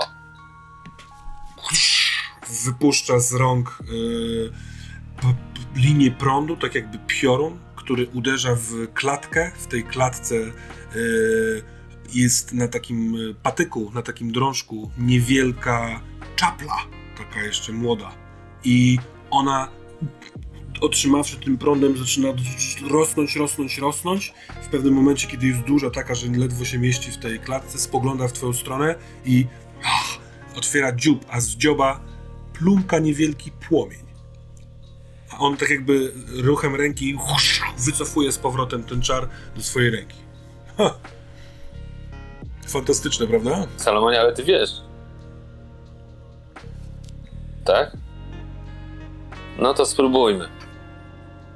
Odwracam się w stronę tej czapli, Mhm. w tej klatce. Wyciągam rękę tak jak on i wypuszczam promień z mojej ręki w stronę tej czapli.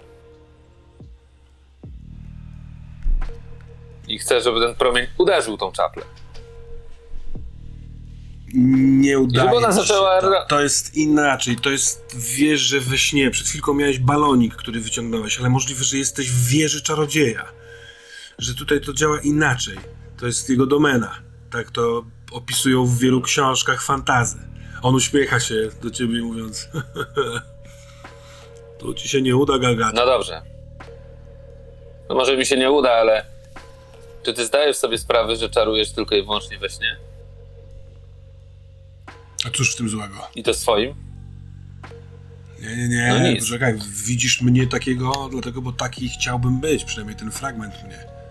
Ja uczyłem zaklęć się w prawdziwym świecie, na jawie. Może innych niż to, co ci pokazałem. Prawdę mówiąc, nie wiem jakich. Nie wiesz jakich. Nie pojmujesz? Jestem tylko cząstką, myślą, marzeniem, projekcją. Przecież widziałeś mnie małego, który patrzyłem cały czas na ten wybuch. Myślisz, że wszyscy jesteśmy tego świadomi? Nie, ja nie, nie znam tego smutku. Wiem, że on się kiedyś wydarzył. Wiem, że długo przez to płakałem. Ale zdecydowanie wolę patrzeć na, na to jezioro. No wcale się nie dziwię, ale wiesz, że tam... A widzisz w ogóle tam ten, ten model tego statku na brzegu twojego jeziora? Model statku? Co ty opowiadasz? Idzie w stronę balkonu. Idę za nim. Widzisz nie tyle model statku, co rozwiewający się na mgle jego obraz. Nie, nie na mgle, tylko na wietrze, przepraszam. Tak jak byłby mgłą. Tak jakby już powoli znikał.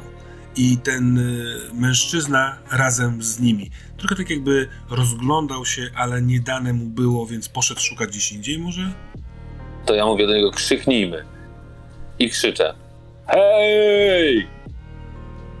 No on się dołącza od połowy. Hej!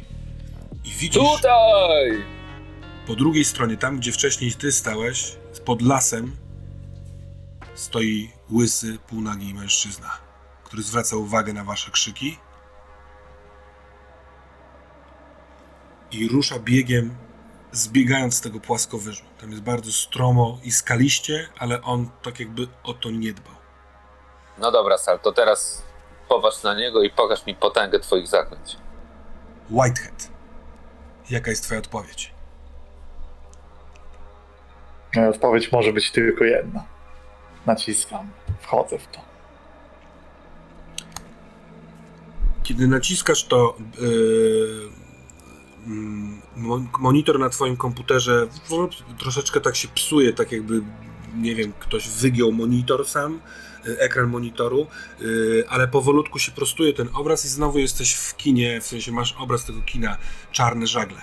I wszystko wygląda tak samo. Fotele, kilkoro awatarów, y, ekran. Akurat teraz na ekranie nie leci żaden film, ale są kilkiety z- na, boku, na boku ściany. Natomiast jedyne, co się zmienia, to to, że na dole schodów, po których schodziłeś wcześniej, w ścianie, tuż na tej samej ścianie, na której jest ekran, jest wyjście awaryjne, oświetlone takim zielonkawym światełkiem. Exit.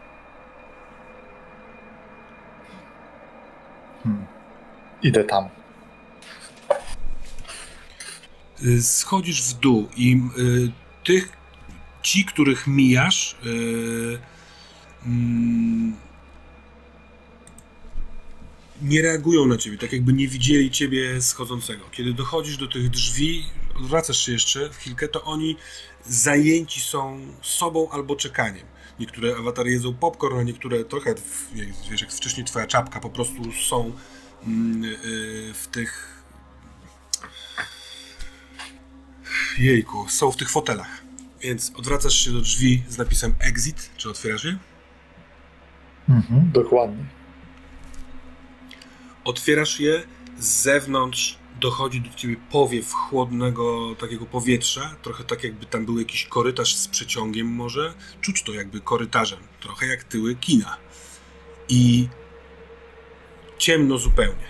Taka mgła, taki opar delikatnie unosi się w tej ciemności. Jeremy, wiele rzeczy dzieje się naraz. Zbiegający na, z naprzeciwległego zbocza ten, ten, ten byt jest daleko, ale zbiega, pewnie w waszym kierunku. Znikający powolutku statek i yy, ten mężczyzna, do którego krzyknęliście, co zwróciło uwagę niekoniecznie jego, ale on z drugiej strony słyszysz czyjś głos, jesteś pewien, że to jego. Jeremy. Dom. Dom Gerard. I znika dokumentnie. Czarodziej na twoje pytanie yy, mówi, kurczę, no zniknęli, niestety zniknęli. No ale tam biegnie, nie widzisz? Gdzie? I pokazuje ten, ten, ten byt biegnący. Gdzie? Powiedz mi gdzie. Widzę tego stwora? Tak, widzisz go. I widzisz, że on patrzy, t- czarodziej patrzy w tamtą stronę, ale on go nie widzi. Coś, coś, coś tu jest? Coś tu jest? A może coś... Yy, bo widzę, zatrwożony jesteś. No tak, taki demon tu biegnie. To może on jest z twojego świata, albo z jakiegoś innego świata. Dlaczego go nie widzę? Poczekaj. Wbiega do środka, wybiega z jakąś księgą.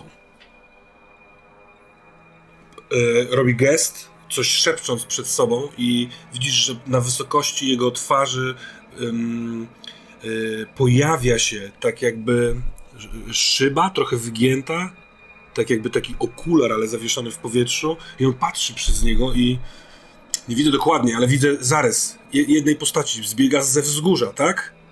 Tak, W jakiś sposób jest dla mnie niewidoczna, ale y, czy to twój przeciwnik, czy przyjaciel? Jesteś zatrwożony. przeciwnik. Potrzymaj księgę. Trzymam księgę. Rzuca zaklęcie. Hadon, tutu, fikarala, bums. I rusza rękoma, wystrzeliwują pociski ogniste, które lecą nad tym jeziorem. W momencie, kiedy są bardzo blisko tamtego wzgórza, to jezioro aż, wiesz, tafla się troszeczkę y, rozszerza pod wpływem tego naporu. Uderza w y, ziemię, tuż pod tym, w miejsce, y, do którego za chwilkę wbiega ten demon. Ale nic sobie z tego nie robi. Przebiega przez ogień, dobiega do y, dołu tego płaskowyżu. Zaczyna, będzie za chwilkę otaczał jezioro. Dobra, to ja chwytam y, mocno za rękę tego y, Salomona Mhm. i mówię Salomonie, do hospicjum. I myślę, żeby przenieść się do hospicjum. On ci pomaga. Widzisz, że się skupił i ty rzuć na swojego śniącego.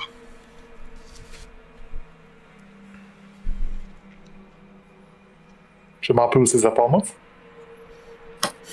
Nie, Nieważne. chyba nieważne. Osiem. 8 na śniącym.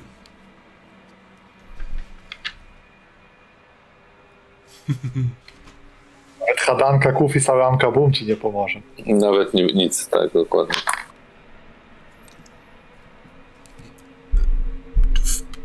W, w ciemności, po zamknięciu oczu, jeszcze przez chwilkę czujesz y, dotyk dłoni, którą ściskasz, dłoni Salomona, ale ona z sekundy na sekundę, hops, znika.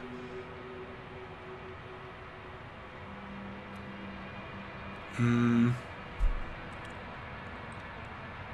Echo. Jakieś kroki gdzieś w tym miejscu, w którym teraz jesteś, odbijają się echem, tak jakby po korytarzach, po ścianach. Zapach z czymś ci się kojarzy, ale nie potrafisz tak do końca. Mm, To nic charakterystycznego, po prostu byłeś w tym miejscu. I kiedy otwierasz oczy, to widzisz korytarze. Korytarze, w których ch- byłeś parę razy, może dwa, trzy. To muzeum. Muzeum? Tak. A czego, czego muzeum? Muzeum miasta Texas City. Tu jakiś obraz yy, yy, takiego pionierskiego karawanu, który wędrował, taki wiesz, wóz Idę, pionierów. idę przypominam, przypominam sobie, gdzie to jest i idę szybkim krokiem w stronę e, tego zdjęcia, które, mm, które widziałem i które malowałem potem. Mhm. Yy, pamiętasz, że od tego trzeba było dojść prosto tym korytarzem do klatki, w sensie do takiego holu i tam klatką schodową w dół na piętro, bo teraz jesteś na drugim piętrze i na tym pierwszym piętrze jest to coś. Więc idziesz łukiem yy, korytarza, mijasz po lewej ten, yy, ten, ten wóz pionierów i wchodzisz na hol i jesteś w korytarzu, w który jest w muzeum. Muzeum Miasta Texas City. Z lewej strony na ścianie jest namalowany taki yy, wóz pionierów. Pewnie zmierzających z jakichś stron wschodnich do Texas City. Pamiętasz, że żeby dojść przodem do przodu do klatki schodowej i zejść pie... Byłeś już tu przed chwilką. No właśnie. Hmm. No to dupa. To w takim razie rozglądam się. E, Idę jeszcze raz na te schody. Mhm. Więc kiedy dochodzisz do tego holu, to znowu jesteś na początku korytarza. Tak jak pętla. Idziesz jeszcze raz, żeby spróbować wychwycić ten moment zmiany, ale on jest niewychwytywalny. W pewnym momencie robisz następny krok, a jesteś, masz z prawej, z lewej strony początek tego obrazu.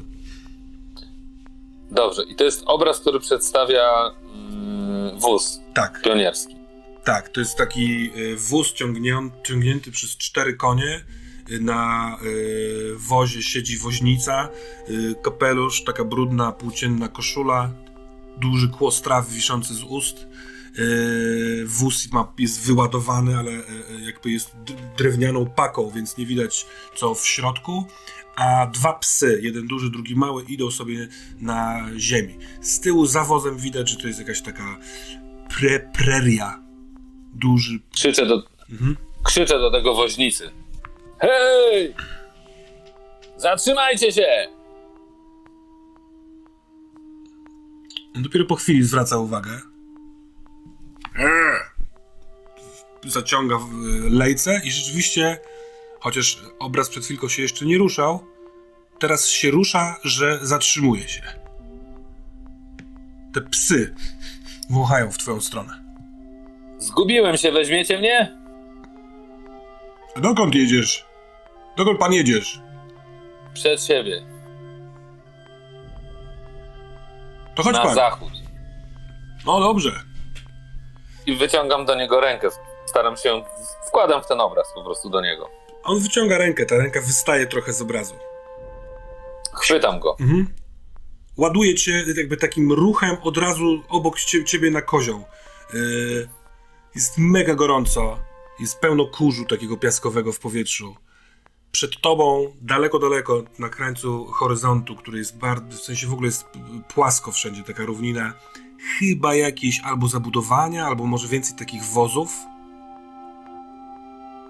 Psy cię oszczekują trochę, ale po chwili, kiedy on robi cicho tam, ups, rusza tymi lejcami i wóz rusza. Coś pan tak się wziął znikąd. A, właściwie to nie wiem. Jechał pan wcześniej, wcześniejszym wozem? Tu, tu. Yy, moi jechali wcześniej. Ja musiałem zatrzymać się, w wóz mi się, koło mi się zepsuło, ośka pękła, więc wymieniałem. Ja jechałem, no ja jechałem kilka wcześniej, ale gdzieś poszedłem, wracam, a tu ich nie ma już. I wy jedziecie. No to w porządku. A co, co, co umiesz? No, wszystko po trochu. No to dobrze, to się przydasz. A gdzie jedziecie? Do swoich. y, Szukamy miejsca, żeby się osiedlić. Jakieś coś zielonego nad rzeką najlepiej. Jam jest James. Jeremy. O. Jak święty Jeremy. No, można powiedzieć, że jak święty James. Chodź! Wyciąga cię ręką, jednym takim ruchem zamaszystym, sadza cię od razu na kozioł, Koźle. na koźle. Psy cię trochę oszczekują, masz wrażenie gorąca, prerii, y, kurzu i tak dalej. Widzisz już w jego twarzy, że on absolutnie nie zdaje sobie sprawy, żeby to była pętla, tak jak ty sobie zdajesz. Hmm. A co pan, coś pan się tutaj tak wziął znikąd? A właśnie, że znikąd. Jeremy. A my jedziemy do siebie, e, do, do swoich. Moi wcześniej pojechali przodem, bo mi się ośka, ośka mi pękła koła, to musiałem pracować. E, A potem dalej zobaczy się nad jakimś, nad jakąś rzeką. Dom. Dom. Dom? A co pan umiesz? Umiem stawiać domy. O! No to się pan przydasz. Mój wuj mówi, że, że umie, ale e, lubi zaglądać w butelkę. Nie wiem, jak to będzie mu szło. A dobry cieśla zawsze się przyda. Zamykam oczy i wyobrażam sobie swój własny dom. I chcę obudzić się w łóżku. Ból. Ból nie do wytrzymania. Zasnąć jak najszybciej. Nie sądzisz, żeby aż tyle bólów mogło mieścić się w jednym ciele. Jest nadwyrężona do granic możliwości. Jesteś opróżniony z krwi, poprzestawiany masz cały kościec. Cała konstrukcja twojego jestestwa jest absolutnie powykrzywiona, niepełnosprawna. Ale jesteś w domu i od pierwszego momentu wiesz, że jesteś sam. Bo tamten półnagi poszedł za tobą i nie wiadomo, co teraz robi. Może atakuje wieżę. Szukam telefonu. W sensie rękami macam, czy nie mam przy sobie gdzieś tam w spodniach, w kieszeni. Masz, masz telefon, masz telefon, czujesz go, y, musisz prawą ręką macać lewą kieszeń, bo lewa ręka jest nie do, nie, nie do ruszenia. Mhm. Czujesz, że ją masz, ale napięcie mięśni lewej ręki, żeby zrobić nią cokolwiek, od razu rozrywa ci bark. Więc namacujesz ten telefon, wyciągasz go, czujesz pod kciukiem, że ekran jest pęknięty, ale na szczęście jak, jak naciskasz, to działa. Wykręcam numer do Eda. Ed, wskoczymy do ciebie na kilkadziesiąt sekund wcześniej, bo to będzie ciekawe.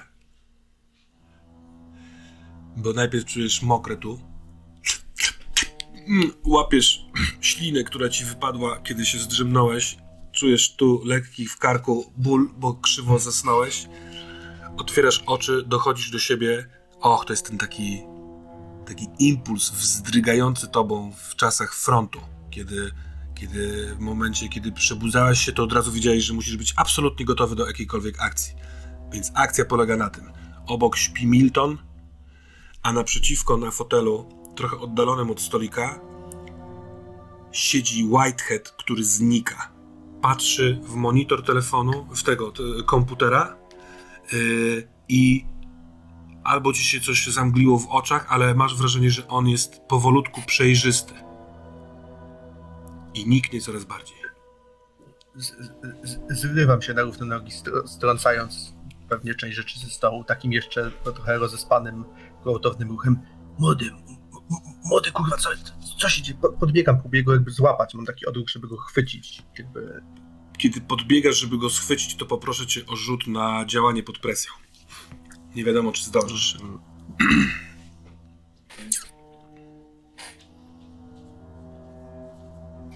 opanowania mam plus dwa. 15. Whitehead, kiedy miałeś otwarte te drzwi, a ty taki opar w hipnotyczny sposób, zapraszająco podpływał do ciebie z tych otwartych drzwi. Słyszysz z tyłu, widocznie w kinie ktoś, tarabanienie, jakieś przewrócenie czegoś. I chyba ty, a może tobą, ale coś wciągało cię już do tego środka, ale natomiast czujesz mocną dłoń, hyc, na barku. I Obracam się. obracasz się i widzisz zatroskaną twarz Eda. Ed, widzisz od razu następującą rzecz. Wcale nie, nie powodujesz przestania znikania Whiteheada, natomiast twoja ręka, która leży na barku, ona zaczyna się rozrzedzać. Tak jak i ciało Whiteheada patrzącego teraz y, w twoje oczy. Co robicie? Ty chcesz tam wchodzić? Mamy z tobą, co, co się kurwa dzieje? Chodź, chodź do snu. Ja odruchowo sprawdzam, czy mam broń przy sobie. Chociaż miałeś chyba pistolet. Miałeś pistolet, więc masz broń, ale w momencie, kiedy sprawdzasz i masz broń, y, dzwoni telefon w twojej kieszeni. A two, z, twojego, z twojej dłoni rozrzedzanie zaczyna iść w górę. Twojego przedramienia.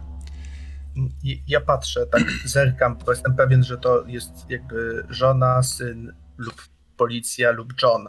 Ale zakładając, że to może być John i mogę chcieć odebrać, to patrzę. Absolutnie się nie spodziewam, że to może być ktoś inny. Nie wiem, czy macie wpisane swoje numery, czy Jeremy masz, Jeremiego masz wpisanego. Ma, Więc to, potwierdzam, że ma. To Tak. Jeremy, Whitehead, y, w, z wnętrza tych drzwi, oprócz tego oparu, dochodzi zapach. Zapach upału. Zapach suchego słońca. I zapach piasku. A drzwi zaczynają się domykać. Co robisz, Ed? Patrzę. Ed, Ed, Nie- odbierasz nie- telefon, nie czy nie odbierasz? Odbieram. No to cyk. Jeremy, Halo? Halo, halo? Gdzie ty jesteś? Gdzie ty jesteś, kurwa? Szukamy cię wszędzie. Tutaj się... Gdzie... Jestem Co ty robisz? ledwo, ledwo żywy w domu, ale, ale trochę się udało mi ustalić. Potrzebuję to pomocy lekarskiej. Stop. Ed, twoja cała lewa, e, lewe ramię już jest e, niemal przeźroczyste. Ty trzymając w prawym ręku telefon, e, no widzisz, że znikasz. Whitehead, e, jesteś w jakimś ciągłym ruchu. Takim rytmicznym ruchu. Nie wiesz, co to sprawia, ale tak jakbyś poruszał się płynnie na czymś i ta ręka, która ci dotyka, mm, tak jakby cię powstrzymywała przed czymś. Co robisz, Whitehead? Chcę za nią złapać i ją wciągnąć ze mną. Mhm. Ed, Whitehead chwyta twój nadgarstek drugą swoją ręką i ciągnie cię do siebie. Ja krzyczę jeszcze y, w sensie nie opieram się tak całkiem, ale chcę jeszcze zdążyć. Krzyczę Milton, obudź się, Milton. Wchłonięty. Przerywa ci połączenie, Jeremy. Y,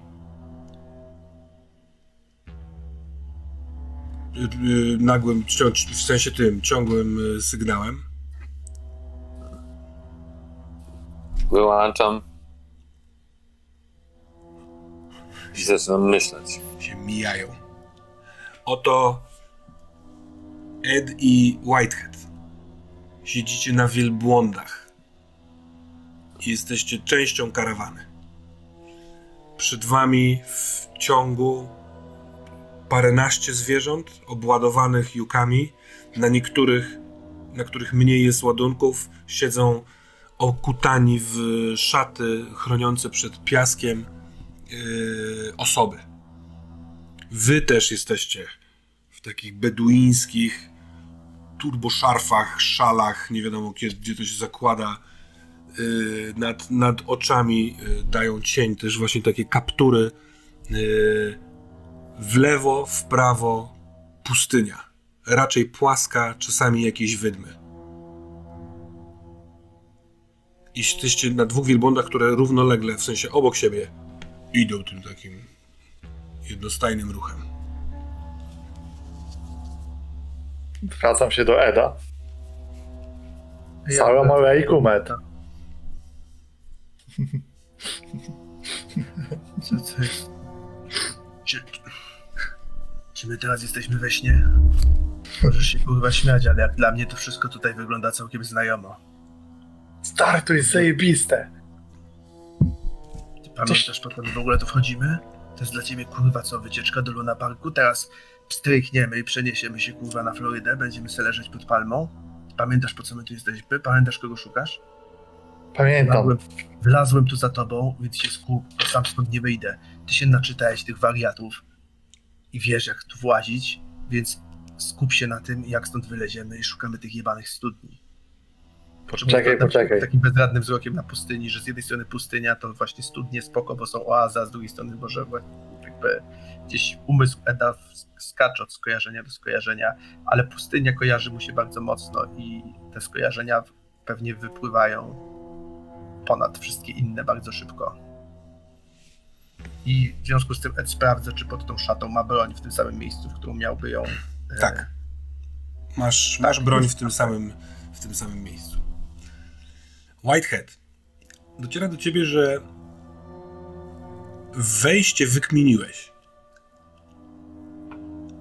Ale o wyjściu nie masz pojęcia.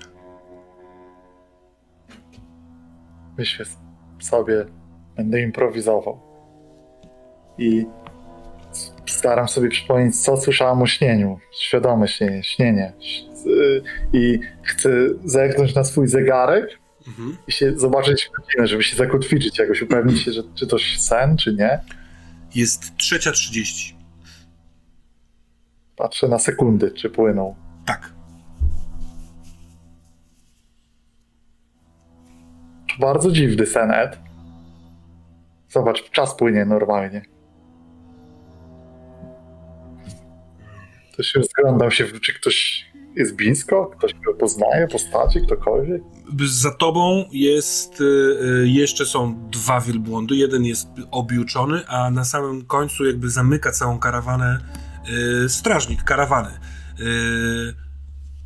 Mężczyzna też okutany w te takie jasno-beżowe y, odzienie. Widać oczy, ale reszty twarzy nie. Natomiast ma przewieszone przez ramię strzelby takiego jakiegoś y, trochę oldschoolowego, y, wiesz, dwururkę. I on kiedyś odwracasz, kiwa do ciebie głową. Kiwam i odwracam się spanikowany do Eda. On chyba mnie zauważył, my się chyba znamy. Dobra, Ja też się odwracam i, i ja jakby krzyczę. Hej, przewodniku! Co tam? On mówi do ciebie po arabsku, ale doskonale rozumiesz, co on mówi. Mhm. Daleko jeszcze do postoju? U, postój, już postoju nie będziemy robić, tylko dojedziemy do oazy. Ale to za kilka dobrych godzin. A co ty, pierwszy raz jedziesz tędy? Dawno nie jeździłem. Miałem długą przerwę. Trochę wyszedłem z sprawy. No zaraz przecież będziemy wydmy mieli po lewej stronie, yy, więc na, na ich wysokości odbijemy w prawo i dojedziemy do oazy. Ja A mówię, ty- pan, przecież te wydmy są ruchome. A te studnie? Pytam takim jakby, jakby to było oczywiste, że jakieś studnie są tutaj tematem. No, liczymy, że nie wyschły i w oazie będziemy mogli napoić zwierzęta i siebie. Podobno od, od, od ostatniego czasu, kiedy tam byliśmy, to wielu tam zamieszkało, więc źródła pewnie są otwarte i hojne. Ja kiwam głową, jakby odwracając się z powrotem do przodu, ale nie odwracam się całkiem, tylko zatrzymuję wzrok na White Hacie. Dobra. że on mówi o tym samym? Czy gdzieś ty nas kurwa w ogóle zabrał? Myślę, że to, to może być trochę losowe, ale y, poczekaj, może powiem ci właściwie, co się dzieje. To rozmawiałem z tym Gordonem całym. No. No. On, on ma mojego przyjaciela i potrzebuje via. Muszę mu dostarczyć via, żeby go uwolnił. To jest smutna sytuacja. Ale dobrą sytuacją jest to, że wyciągnąłem od niego ten cały kod do wchodzenia y, do snów, po to, żebyśmy my mogli też to ogarnąć i przede wszystkim dostarczyć mu via, a dzięki temu możemy od tej strony też my uderzyć w ten dom, czy w studnię, czy w to kino. Rozumiesz? Ty. Ja mam swój zegarek, to, czy masz swoje przedmioty, masz broń? No. No właśnie. Czyli to jest wejście, tylko teraz musimy wymyślić, jak się tym poruszać. A oprócz tego jeszcze e, Milton szuka tego Jeremiego, bo on może wiedzieć, jak wyciągać z tych studni, bo potrzebujemy jakiegoś wyciągania, bo to, że znajdziemy studnię, nie znaczy, że kogoś wyciągniemy od razu. Dzwonił do mnie. Dzwonił do mnie, jak mnie tu wciągałeś. A dzwonił do ciebie w śnie, czy na jawie?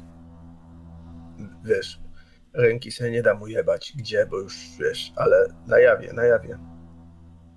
Ale to jest, jest gorąco, jak w prawdziwym życiu. No tak to zwykle bywa w snach, tylko widzisz, ja tam chuja wiem, z żadnym Gordonem nie gadałem, ale na moje są dwa rodzaje snów. Takie, w których nic nie możesz zrobić, bo to koszmar i po prostu musisz powtarzać to, co się dzieje i wchodzić w to głębiej i głębiej. Jak jesteśmy w takim, to słabo. Albo takie, gdzie podobno możesz jakby no po prostu myślisz sobie różne rzeczy i one się pojawiają, jakby nie widzisz między nimi logiki. Wiesz, jak to jest w śnie, jesteś tu, potem jesteś tam, i, w, i dopóki się nie obudzisz, to się nie zastanawiasz, co się właściwie odjebuje. Ale tu nie jest tak, więc nie wiem. Kurwa, zamknijmy oczy i wyobraźmy sobie, że jesteśmy w tym kinie. Czekaj, nie wiem, czy to tak działa. w którym kinie. To jest kilka kin. Żeby- Żebyśmy myśleli o tym samym, bo jeśli ty pomyślisz o tym, a ja o tamtym, to się rozdzielimy. Ja myślę O tym, w którym byliśmy. To kurwy syny, które oglądają ludzi, którzy są w studniach. Żebyśmy mogli dostać się do tych studni i uwolnić moje dzieci. To jest, Rozumiesz? ja się z tym zgadzam, tylko że nadal nie mamy wych, metody wyciągania ze studni, a to nie jest proste. To był, to, ja to robiłem do testu. Możemy tu wrócić, zobaczmy, czy możemy trafić w jakieś zwykłe miejsce. Jakie miejsce znamy oboje? O, chodźmy, Ja, to chodźmy na, na, na, do tego domu, nie? Ale tam może być ryzykownie, bo tam właśnie, bo... A, jeszcze żmi, wi, su, poczekaj, wi, oko, musimy mieć oko wija.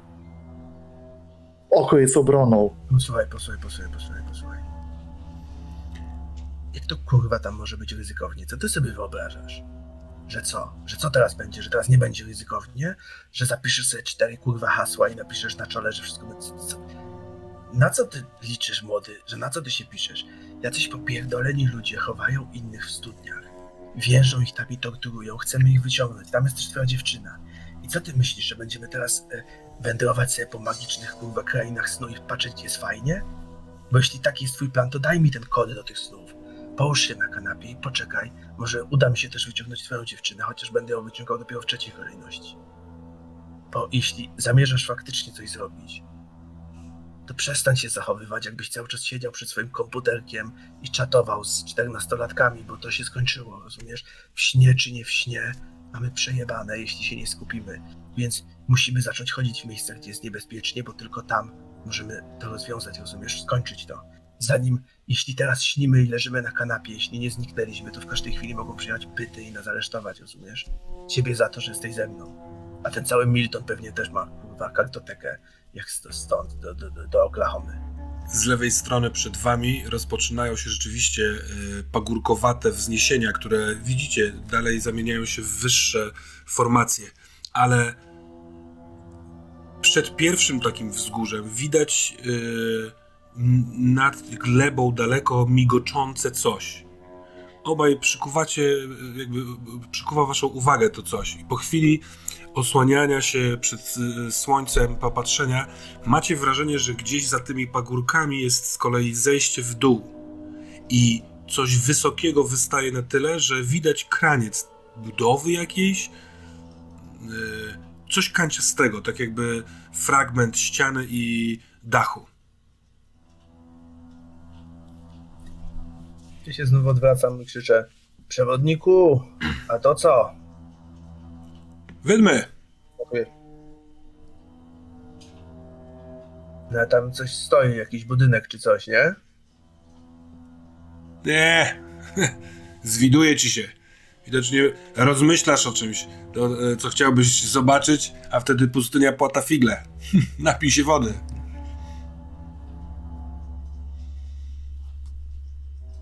Patrzę na White Hata, też to widzisz? Hmm? To? No tam patrz, tam są jakieś, jakieś zabudowania. To nie są zabudowania. Jesteście coraz bliżej, więc to jest coraz bardziej wyraźne. To szczytowe krawędzi ekranu. Ty widziałeś to na pewno Whitehead w internecie, tą z, to zaproszenie do wejścia do Black Limousine Drive-In Cinema. Za chwilkę zniknie to za wydmą, bo wy dojeżdżacie do tego miejsca, ale gdzieś za tą wydmą jest najprawdopodobniej dolinka albo jakaś depresja i tam postawiono ten duży ekran i widzicie krawędź jego, górną i boczną. Ej, to wygląda jak to kino. Właśnie to kino. Dobra, to jedziemy tam. Mhm. Czy to jest, czy to wygląda jakbyśmy i tak jechali w tym kierunku, czy to się gdzieś pojawia trochę bardziej z boku? Nie, to się pojawia trochę z boku. Wasza karawana przed wami jedzie prosto, a to trzeba by zboczyć. I to nie do końca daleko, bo ten pagórek jest, nie wiem, 10 minut marszu od drogi, którą jedziecie. Od szlaku Ja właściwie. po prostu, ja po prostu odbijam, skręcam wielbłądem i odbijam tamtą stronę. Mhm. Tak za nim. Nie wywołuje to jakiejkolwiek reakcji. Macie wrażenie, że y, ta karawana bez jakiegokolwiek szwanku i tak dojedzie tam, gdzie ma jechać, więc nie pozwala sobie na jakiekolwiek opóźnienia czy coś takiego. A może po prostu was nie zobaczył, a może wcale nie jesteście częścią tej karawany, bo właśnie idziecie pieszo do y, w swoich zwykłych ciuchach, a nie już beduińskich, do tego pagóra. Widzicie, że y, on jest jeszcze niski, że następne wzdłuż tego szlaku będą dużo wyższe. I zniknął już ten widok ekranu wam, dlatego, bo zbliżywszy się do pagórka, on wam zasłania. Musicie się na niego wspiąć. Co nie jest trudne. Bardziej mozolne. Poprzez upał, osuwający się spod stóp piasek, kolejny, kolejny. W połowie drogi już trzeba rękoma sobie pomagać. Dawno nie chodziłeś w takim klimacie, Ed. Ale kiedyś ci się zdarzyło kilka takich piaskowych marszów zaliczyć. Co za miejsce, nie do życia. Mm, no nie do życia, nie do życia. Ze szczytu widać to, czego się spodziewaliście. Ten pagórek z drugiej strony schodzi głębiej w dół i jest pod nim piaskowa, no, no może nie, nie dolinka, tylko po prostu jakaś taka równina z piasku. I w pewnej odległości widać potężny, naprawdę potężny ekran, który wystawał kawałkiem za tego pagórka. Widzicie go teraz od tyłu. E, Ze środka tego ekranu wychodzi taka chyba metalowa, czarna tuba, korytarz, trudno stwierdzić, taka rura, która wychodzi w poziomo, a potem w dół schodzi i chowa się w piasku.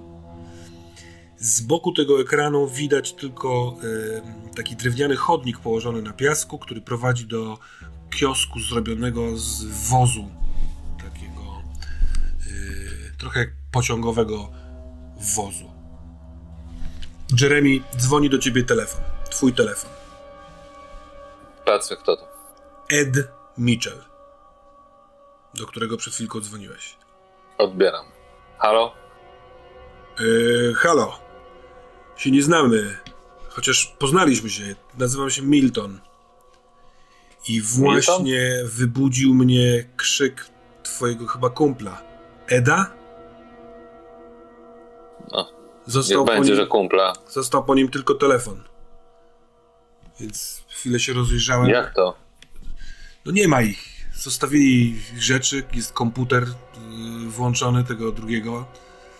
Yy, Whiteheada. Tak, tego w białym kapeluszu. I został telefon, tak jakby zniknęli. Możliwe, że coś ich wciągnęło, może to sen. Wszak w tej, ciągle się wokół tego kręcimy, ale zobaczyłem, że dzwonił przed chwilką, że ty, że ty dzwoniłeś do niego. Więc No tak, dzwoniłem. może ty wiesz, gdzie są, albo co się stało. Nie mam bladego pojęcia. Ja zadzwoniłem do Eda i przerwało połączenie. Nic nie zdążył mi e, powiedzieć. Milton, czy ja cię powinienem kojarzyć? Próbowałeś wejść do, Algar, do Argyle Road, y, walcząc z wijami we śnie, a ja ciebie zatrzymałem. Chwilkę rozmawialiśmy. A, tak, ścigaliśmy cię. Ktoś ciebie ścigał. Tak, tak, tak. Ludzie z czarnych żagli bodaj, tak się nazywają. Oni potrzebują tak via, my potrzebujemy via. I właśnie wy- mieliśmy dość długą rozmowę tutaj z Edem i z Whiteheadem i wychodzi nam na to, że potrzebujemy via, żeby cokolwiek się udało. Czy ty jesteś w stanie zdobyć via? Masz jakąś wiedzę na ten temat? Nie, ja, ja tylko jednego zjadłem. Ale to było już jakiś czas temu, wiesz? y, Ja dzwoniłem do Eda, bo potrzebuję pomocy. Jestem strasznie poobijany. Chyba coś jest nie tak z moim obojczykiem. A on miał namiar na jakiegoś takiego nielegalnego lekarza. Surfera. No, wy to jesteście. A co ci stało? Gdzie, gdzie ty jesteś? Ja jestem w domu. Ale stało mi się to na, na brzeżu. Tam, gdzie jest. Tam, gdzie jest mój obraz. I gdzie mają być obchody. Wiem, wiem gdzie to jest. Wiem o co chodzi. Rozmawiałem z Geraldine. Planowaliśmy yy, wywołanie pożaru jutro rano. Żeby odwołali albo przesunęli. No dobra, nieważne, nieważne. Jak chcesz, to mogę przyjechać do ciebie i pojedziemy czegoś szukać, jakiegoś lekarza. Jakbyś mógł. Bo szczerze mówiąc, skończyły mi się pomysły. To musisz mi podać adres. Ach. Podaj mu adres. Dobra, no to tam y, nie jest to daleko. Będę za jakieś 10 minut. Wielkie dzięki, stary. Czekam. Okej, rozłącza się. No i rozważam. Tak. A ty masz w telefonie na tej górnej belce odebranego maila. Patrzę, co to, od kogo jest ten mail. od y, przedsiębiorstwa żółtych samochodów Texas City. Żółtych samochodów w sensie Yellow Cab, bo tam też jeżdżą żółte taksówki. I co tam jest w tym mailu? Moja pani jest zainteresowana. Wsiądzie do taksówki.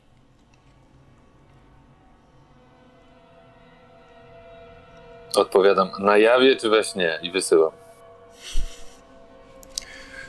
Jest jakby e, automatyczna informacja. Proszę nie odpowiadać na tego maila. To automat. A.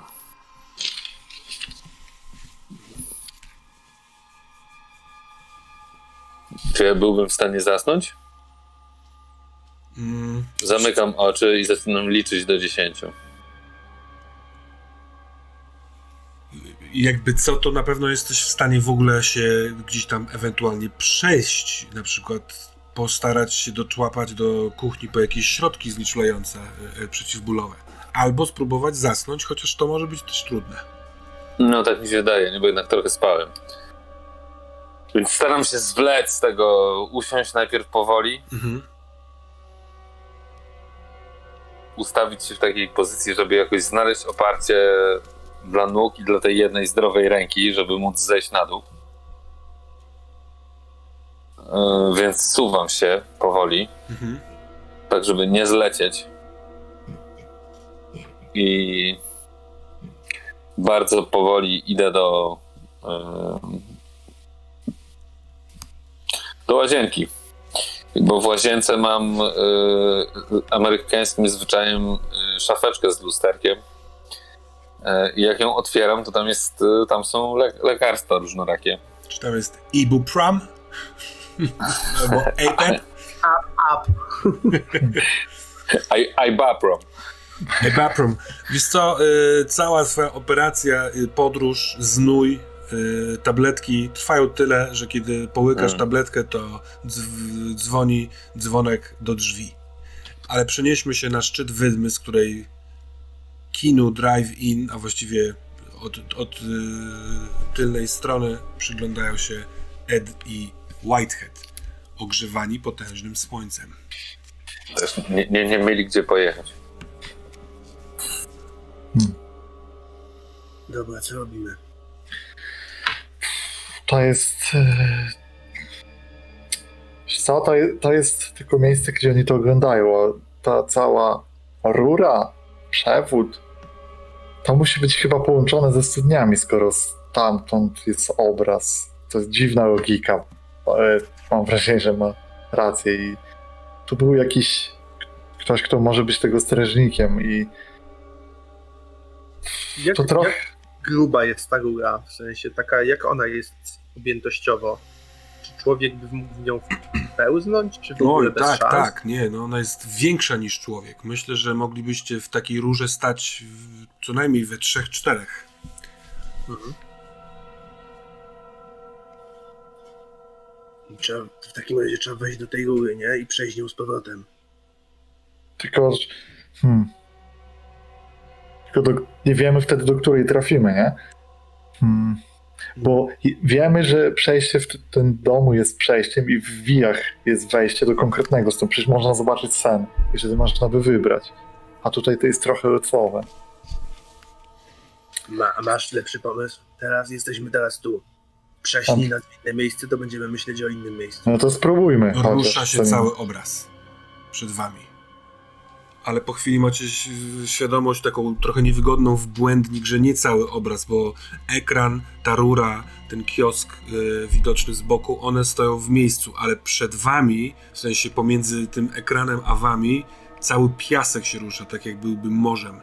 I po chwili z wnętrza wydostaje się potężny stwór, czerw, wielka wersja Via z segmentami swojego cielska, niczym wieloryb czy jakiś delfin w wodzie. On wyskakuje z piasku, rycząc głośno, y, zgina się w łuk, opada łbem i dopiero kiedy łeb wpada z powrotem w piach, dopiero wy, wy, wychodzi końcówka jego cielska z miejsca, z którego wyszedł. Ten stwór jest przepotężny. Jest wielgachny, zdecydowanie większy niż ta rura. Yy, No, potężny, potężny czerw. Tak jakby zamieszkiwał ten piasek. Ale czy on wygląda jak te wije, tylko większy, czy to nie, Tak. nie wygląda? On trochę wygląda jak te wije, tylko że znacznie większy. Ta różnica w gabarycie sprawia, że to trudno porównać wręcz. Ale chyba tak. Taki zielonkawo-czerwon-brązowawy kolor.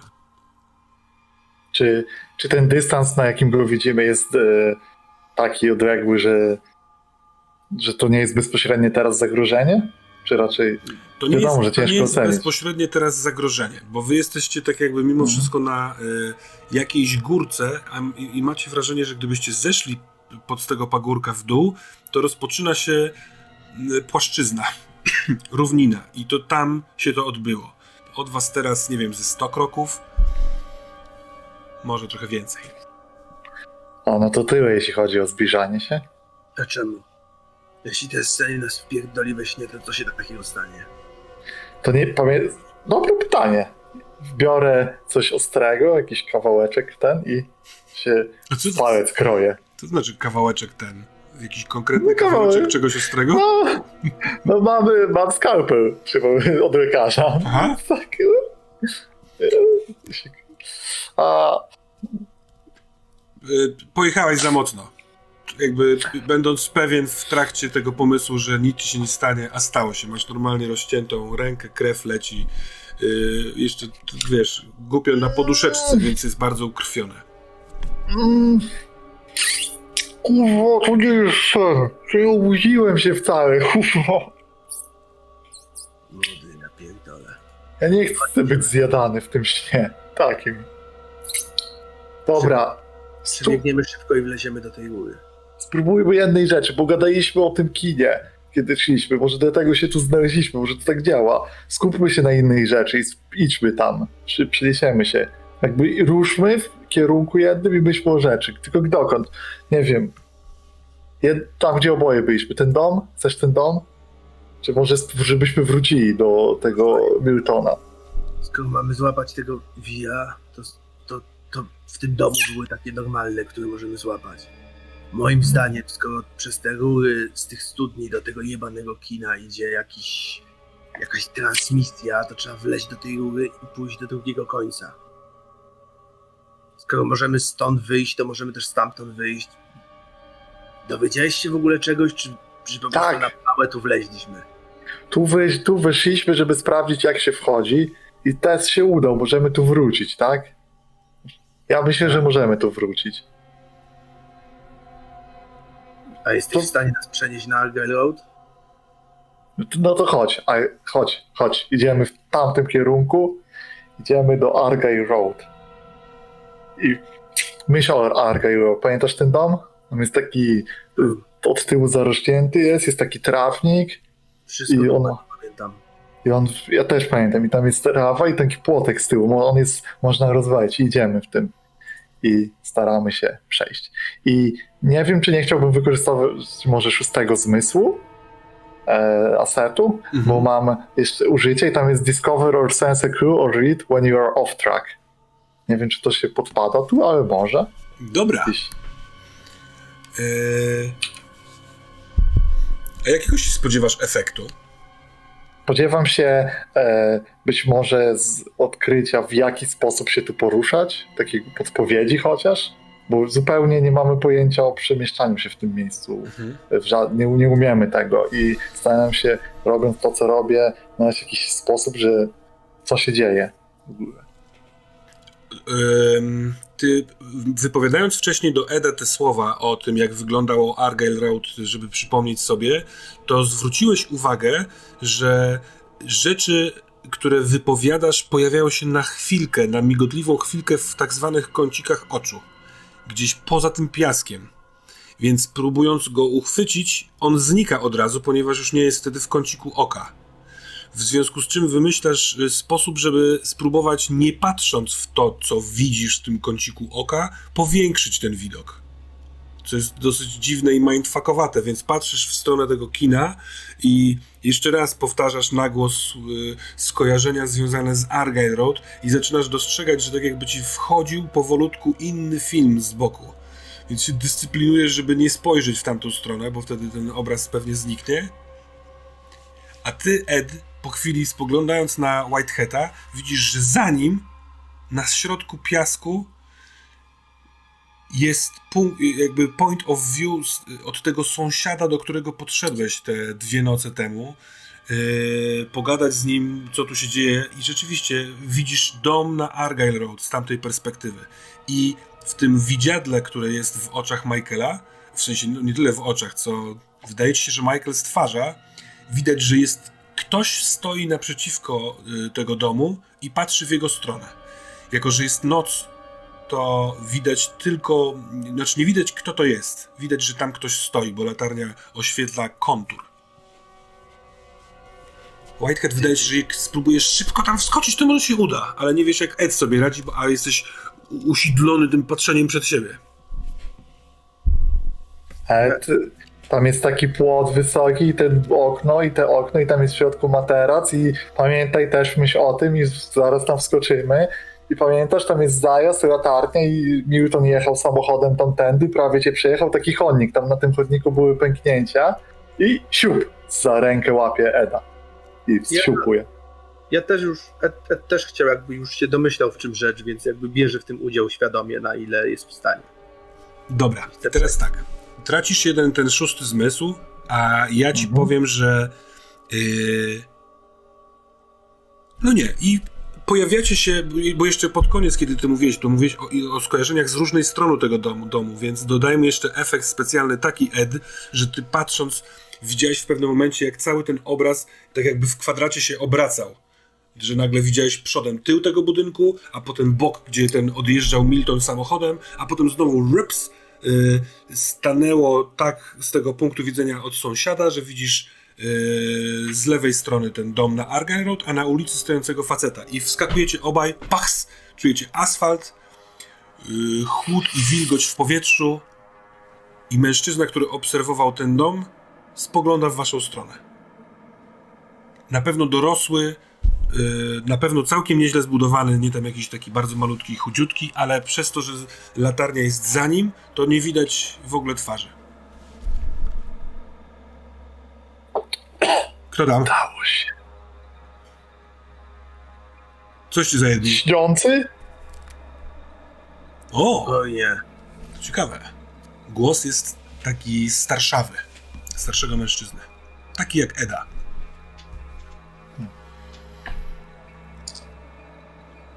Yy, A ty kim jesteś? Mieszkasz tu, przyjacielu? Kiedyś tu mieszkałem. A teraz Ciekawe. wpadam czasami Co? popatrzeć. No, ciekawe. A, wy nie pierwszy raz, skoro wiecie o czym mowa. zgadza się. A ciebie, starszy koleżko, to chyba kojarzę skądś. On idzie w waszą stronę. Ja się przyglądam, czy go kojarzę też. To jest ten wyjście ze światła tej latarni za jego pleców sprawia, że wchodzi się w latarnię pomiędzy wami i momentalnie jego twarz jest rozświetlona.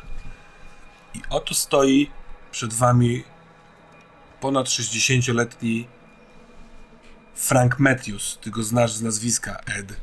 Pamiętasz jego twarz, która pojawiła się kilka razy jeszcze na komisariacie w, tam, w, w tamtym czasie. Już nie pracował, ale jako tam no, odwiedzał syna. Może go pamiętasz ze starszych czasów, bo to niewielkie miasto, a on był komendantem policji. A ty, y, Michael, widzisz. y, Ma opaskę? Nie, nie ma opaski. Ale widzisz mężczyznę z dziwacznym, zielonkawym okiem w prawym oczodole. Ty też Ed, to widzisz. Przez chwilkę pomyślałeś, że to dziwnie padające światło z tej latarni, ale w momencie, kiedy ty zrozumiałeś Ed, on też zrozumiał i zatrzymał się. Oko wija? O kurwa. A ty tu co robisz? Szukasz syna? Mierzę go wzrokiem i tak... Otóż to.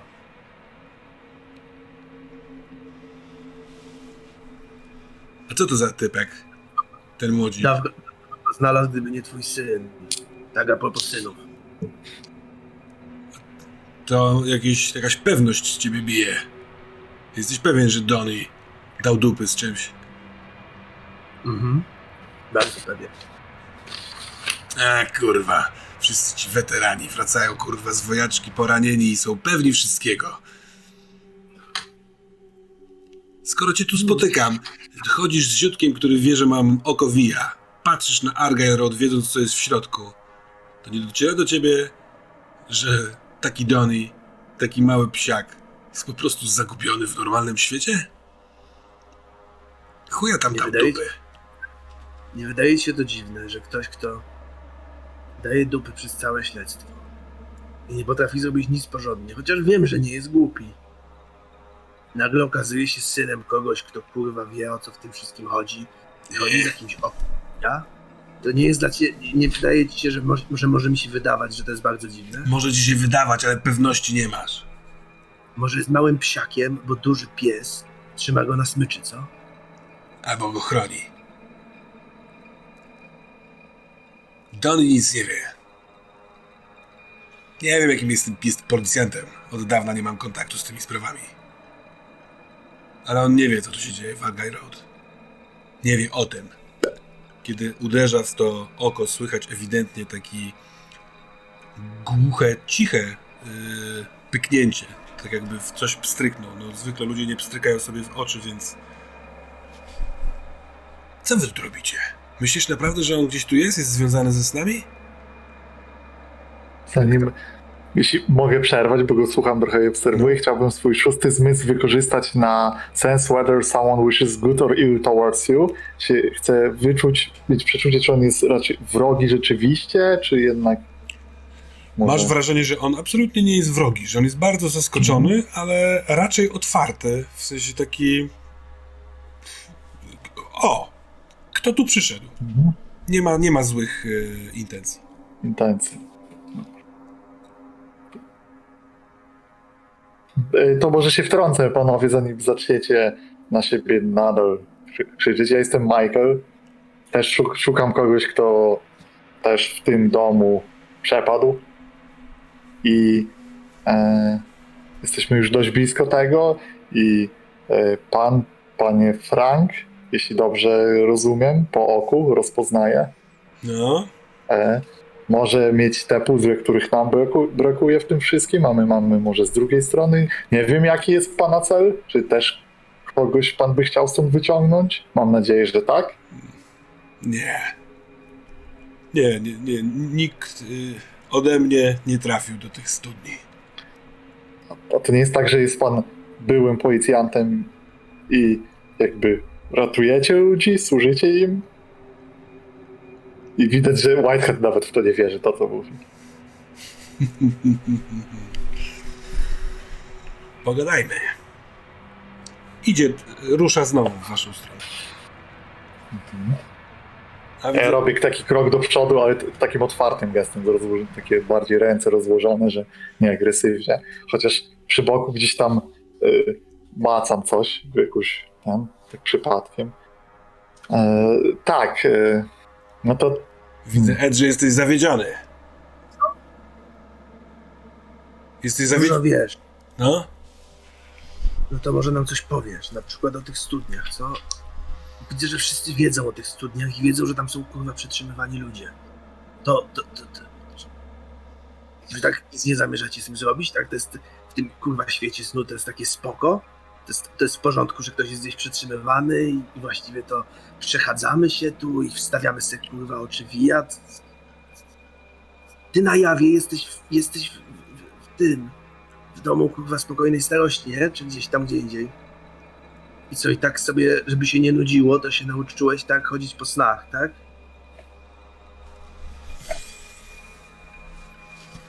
Uderzyłeś w jakiś czuły punkt. Widać to po nim. Nie ma gotowej odpowiedzi. Cała ta postawa sprzed chwilki chwieje się w posadach. Nie ma się czego wstydzić, Matthews, też jestem stary. I też mi się wszystko w życiu Także m, jeśli tak jest, to mów śmiało. Nie chce mi się opowiadać o sobie. Żałosna historia. Ale jakiś tam kawałek starego policjanta możliwe, że we mnie, we mnie został, tak jak mówi ten tutaj młody. Więc czego chcecie? To przede wszystkim, e, co daje, czy oko Wija rzeczywiście jest w stanie zapewnić jakąś osłonę? Tak, Bo one nie atakują cię wtedy? tak.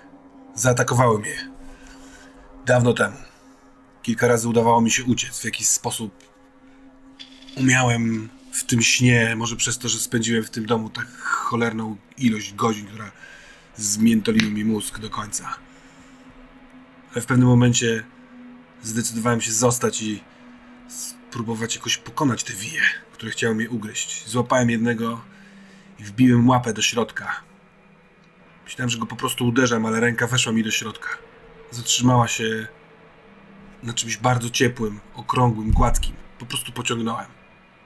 Od tego momentu wszystko było inaczej. Trzymając w ręku to, pokazuję wam to swoje oko i w tym momencie to oko blups, wyskakuje mu w rękę. Pusty oczodół, yy, taki z brzydką blizną w środku, taką nierówną, a na oku zielonkawa, lekko brązowy, z brązowym też kolorem kulka, którą sobie tak, wiecie, buja na dłoni.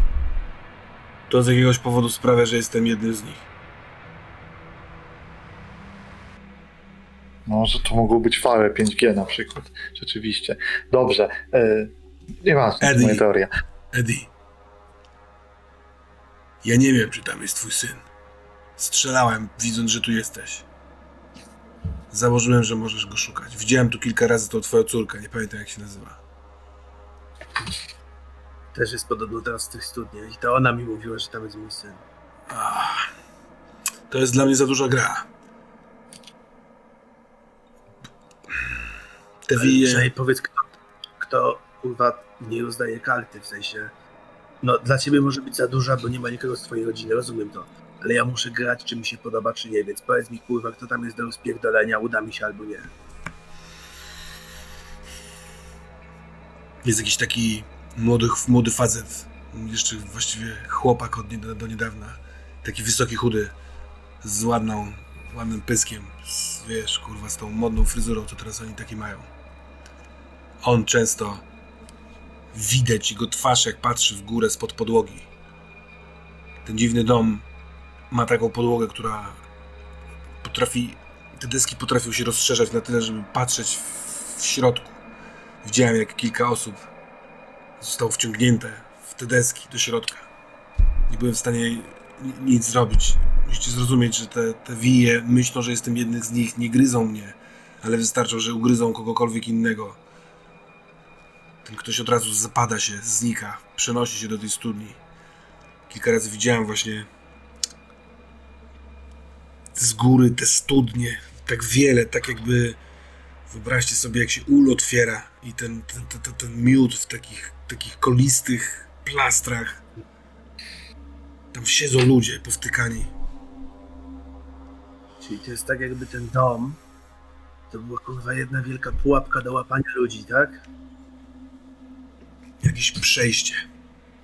Pewnie ten skurwiel z Wyrol Williams to wszystko tu pootwierał.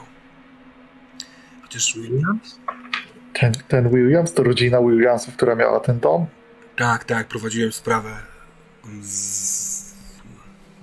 To on zabił rodzinę swoją. On zabił swoją żonę i swoich teściów, a potem sam popełnił samobójstwo w jakiś totalnie popierdolony sposób, tak żeby wyglądało, że ktoś dokonał rytualnych mordów na nich. Ale jestem pewien, że to on zrobił. Zresztą widziałem kilka razy go we snach.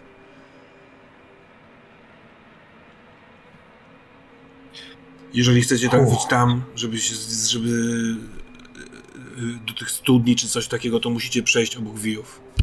Więc potrzebujecie tego, co ja mam w ręku. Potrzebujemy. Czy nam. Patrzę tak sceptycznie na zasadzie, że czemu miałby w sumie, ale co mi szkodzi spytać. Mam swoją cenę. Mów. Przyjdźcie mnie odwiedzić. Do domu starców. Wkleja sobie te oko i znika.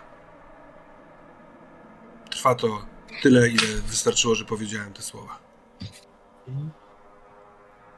Jeremy, doczłapałeś się do drzwi.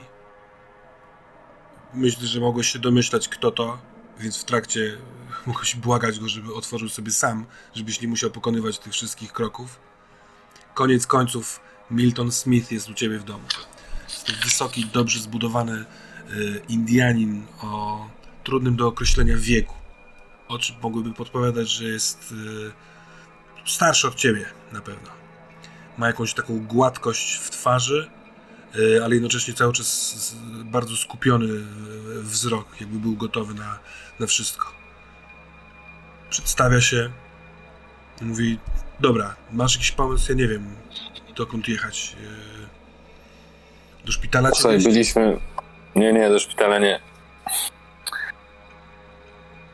Mam... Byliśmy z e, Edem i z Whiteheadem u takiego lekarza. Czy może jest tak, że, przepraszam, No, że docen- ty, Ed, dzwoniłeś do tego lekarza, czy to raczej Michael się z nim kontaktował? Michael strzelał. A, to ja. To na 100%. Nie wyobrażam sobie e, Eda. No, mimo wszystko, kiedy ty mówisz Jeremy, próbujesz sobie coś przypomnieć, to on wyciąga tą taką małą komóreczkę, nie smartfon y, Eda, y, odblokowuje ją, szuka w połączeniach, ale no, nic nie wynajduje. Nie, to na pewno tutaj nie ma. Facet nie odbiera telefonu. Ma same nieodbierane Nie, nie. połączenia. Nie, nie, to był taki lekarz. Zobacz. Ciężko mi się funkcjonuje. widzę, widzę, widzę. Wyglądasz jakbyś wracał z jakiegoś frontu. Nie, próbowałem rozwalić ten mój rysunek tam. To graffiti, ten, ten obraz. Myślałem, że on jest potrzebny do. No właśnie. On mi jest potrzebny, żeby zrobić jeszcze jeden wybuch. On jest potrzebny, żeby zrobić jeszcze jeden wybuch? Albo żeby sprowadzić tutaj takie istoty, które będą żywić się nieszczęściem, bólem i strachem. Żywić się pasuje do tego, co podsłuchała Geraldine. E, Słyszałem, jak ci tam Francuzi mówili, że podczas uroczystości będzie tak wszystko zapięte na ostatni guzik, że wszyscy się najedzą do syta. No, oni już się raz naje- najedli, poprzednio. Widziałem to we śnie. Chodziły takie demoniczne istoty i nie wiem, syciły się tą śmiercią i, i bólem ludzi. Dobra, słuchaj. Ta miejscówka twoja, ona jest w miarę pewna? Jesteś tutaj, czujesz się bezpieczny? No wiesz co, jeszcze jakiś czas temu był tu chyba jakiś demon, To jedziemy do mnie. ale, zgubi, ale chodzić? zgubiłem go. Chodzić tak. Ale wiesz, zgubiłem go we snach. No, ty wróciłeś z snów. No możliwe, że jemu też się uda. Chodź, nie ma co ryzykować. Mam pewien pomysł. On pomaga Okej. ci zabrać się. Nie wiem, jeżeli chcesz coś zabrać z domu, to spoko. Yy, Hmm, koniec końców on ci mówi, jakby w sensie przygotowując to wszystko, yy, swój sposób myślenia, bo o. Yy, kiedy był jeszcze w domu, to y, Michael Peters powiedział mu, Whitehead powiedział mu, że się skontaktował z czarnymi żaglami i że dostał od nich coś, jakiś kod, który spróbuje uruchomić. W związku z czym on y, po dojechaniu do domu y, otwiera, włącza tablet, zaczyna coś tam grzebać i po chwili sięga po swój telefon i dzwoni dokądś. Mówi, tu Milton. Dobra, zostawmy to. Powiedz mi, co robi ten twój kod? Spotkałeś się z człowiekiem, który powiedział ci, że zdobędzie dla ciebie via, dałeś mu kod. On go wykorzystał. Gdzieś poszedł. Gdzie poszedł? Dobra, spoko. Poczekajmy tu. Jesteś głodny? Rozmawiałeś, rozmawiałeś z Salomonem? Nie, z Gordonem niejakim. Z tym z czarnych żagli. Ja wiem, od kogo on dostał ten kod. Od kogo? Od tego Salomona. Salomona całego? Tak. A ty potrafisz się z nim porozumieć jakoś? Chociaż teraz jest to nieważne, bo wiem, gdzie oni są. Widzisz, że on, Gdzie się, są? on się zamyśla. Są, oglądają to, to, to kino yy, Black Limousine. Ja też tam często bywałem. No jest. Ten kod doprowadza Ale- na pustynię, z której można przedostać się do snu, który też się dzieje na pustyni, czyli do, do tego kina całego. A czy tam nie grasuje ten cały. Jak on się nazywał? Francisco? Federico? No, François. François, François. Tak, ja go tam widziałem. Widziałem tam Czerwie i widziałem tam François. To przecież on ich będzie chciał złapać. może jeszcze ich nie złapał. Chcesz wejść tam do tego snu? Ja tam już jestem. Jak to tam Na jest? ulicy przy Argyle e, Road, tam gdzie przed chwilką zniknął Frank Matthews, z jakby żywopłotu z lewej strony domu sąsiadującego z Argyle Road, nagle wychodzi Hetz Milton Smith. Jesteście. Y, Cześć Milton. Poszedłem za wami e, z tego snu na wydmach. To nawet nie wiesz, jak się cieszę, że cię widzę. E, możesz nas wrócić do twojego domu? Nie, nie, nie, nie, nie, nie wiem jak to zrobić. E, Mogę spróbować, ale e, ty, wy nie wiecie, jak się tutaj dostaliście. No przez ten kot i przez pustynię, a później, znaczy ja mogę spróbować znowu nas e, śnić. W, tylko nie wiem, czy do twojego domu, czy do, z powrotem do tego... Kiedy chcesz wracać? Kiedy chcesz wracać? Słuchaj, no musimy iść do, pra- do prawdy i wtedy pojedziemy do, Ten do tego Franka kumpel. i weźmiemy oko. Ten wasz kumpel. Jeremy, jest u mnie w domu.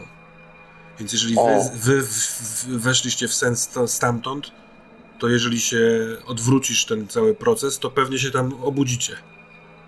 Wrócić proces. Dobra, czyli potrzebujemy znaleźć drzwi. Dzięki. Przyszliśmy przez drzwi. Prosto. Mhm. Jak w książkach fantazy. Dobra. Tu są drzwi. I on pokazuje dom, który stoi obok domu na Argyle Road.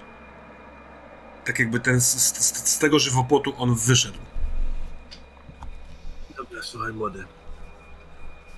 Y, Załatw... Wracamy tam, załatwiamy to oko.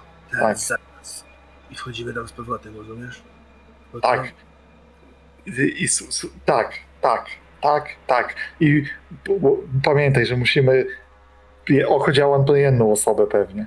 Więc ty na przykład, czy ja, ktoś musi zdobyć jakby ich więcej, jeśli to ma działać, albo i Wija też, bo mówiłem ci o Gregu, nie? Ty mamy zdobywać wija, to jesteśmy koło tego domu, nie? Tylko po, po co ryzykować, jak to z okiem zrobimy? Mam dobę na zdobycie tego Wija. Zróbmy to z okiem. Chodźmy, dobra, i tam są drzwi, chodź do drzwi, P- drzwi takie, tu ten z powiewem, tam był powiew, korytarz, kino w środku, drzwi, chodź, przechodzimy przez drzwi. Mówię głośno, opisuję to kino, te drzwi, jak pamiętam. Mhm. I nie utrudniajmy. Jeśli wydasz jeszcze jeden swój edge, a wiem, że go masz, a wiem, że ci się już nie przyda w dzisiejszej sesji, ponieważ powoli kończymy, to wszystko stanie się miłe i przyjemne, ponieważ kiedy tylko i wyłącznie otworzysz drzwi, które nagle z tych drzwi wejściowych do domu na Argyle Road zamieniły się na takie powiedzmy przemysłowe drzwi, jakie widać w multikinach, yy, szare z plastikową zaokrągloną klamką, to kiedy je otwierasz, to siedzisz na kanapie w domu Miltona, patrząc na monitor yy, laptopa. Na tym monitorze widać salę kinową, ale od strony już yy, widowni. Na ręku trzymasz zaciśniętą mocno, silną rękę, yy, na ramieniu, przepraszam, czujesz rękę Eda. Ed, stoisz w domu Miltona, lekko to tobą chwieje, a na kanapie leży z y, takim, jakimś takim zimnym kompresem na barku y, Jeremy. Okrwawiony, wyglądający jak jakby wrócił z wojny. Milton stoi z wami, tak jak przed chwilką stał po drugiej stronie domu na Argyle Road. I na tym proponuję, żebyśmy dzisiaj zakończyli.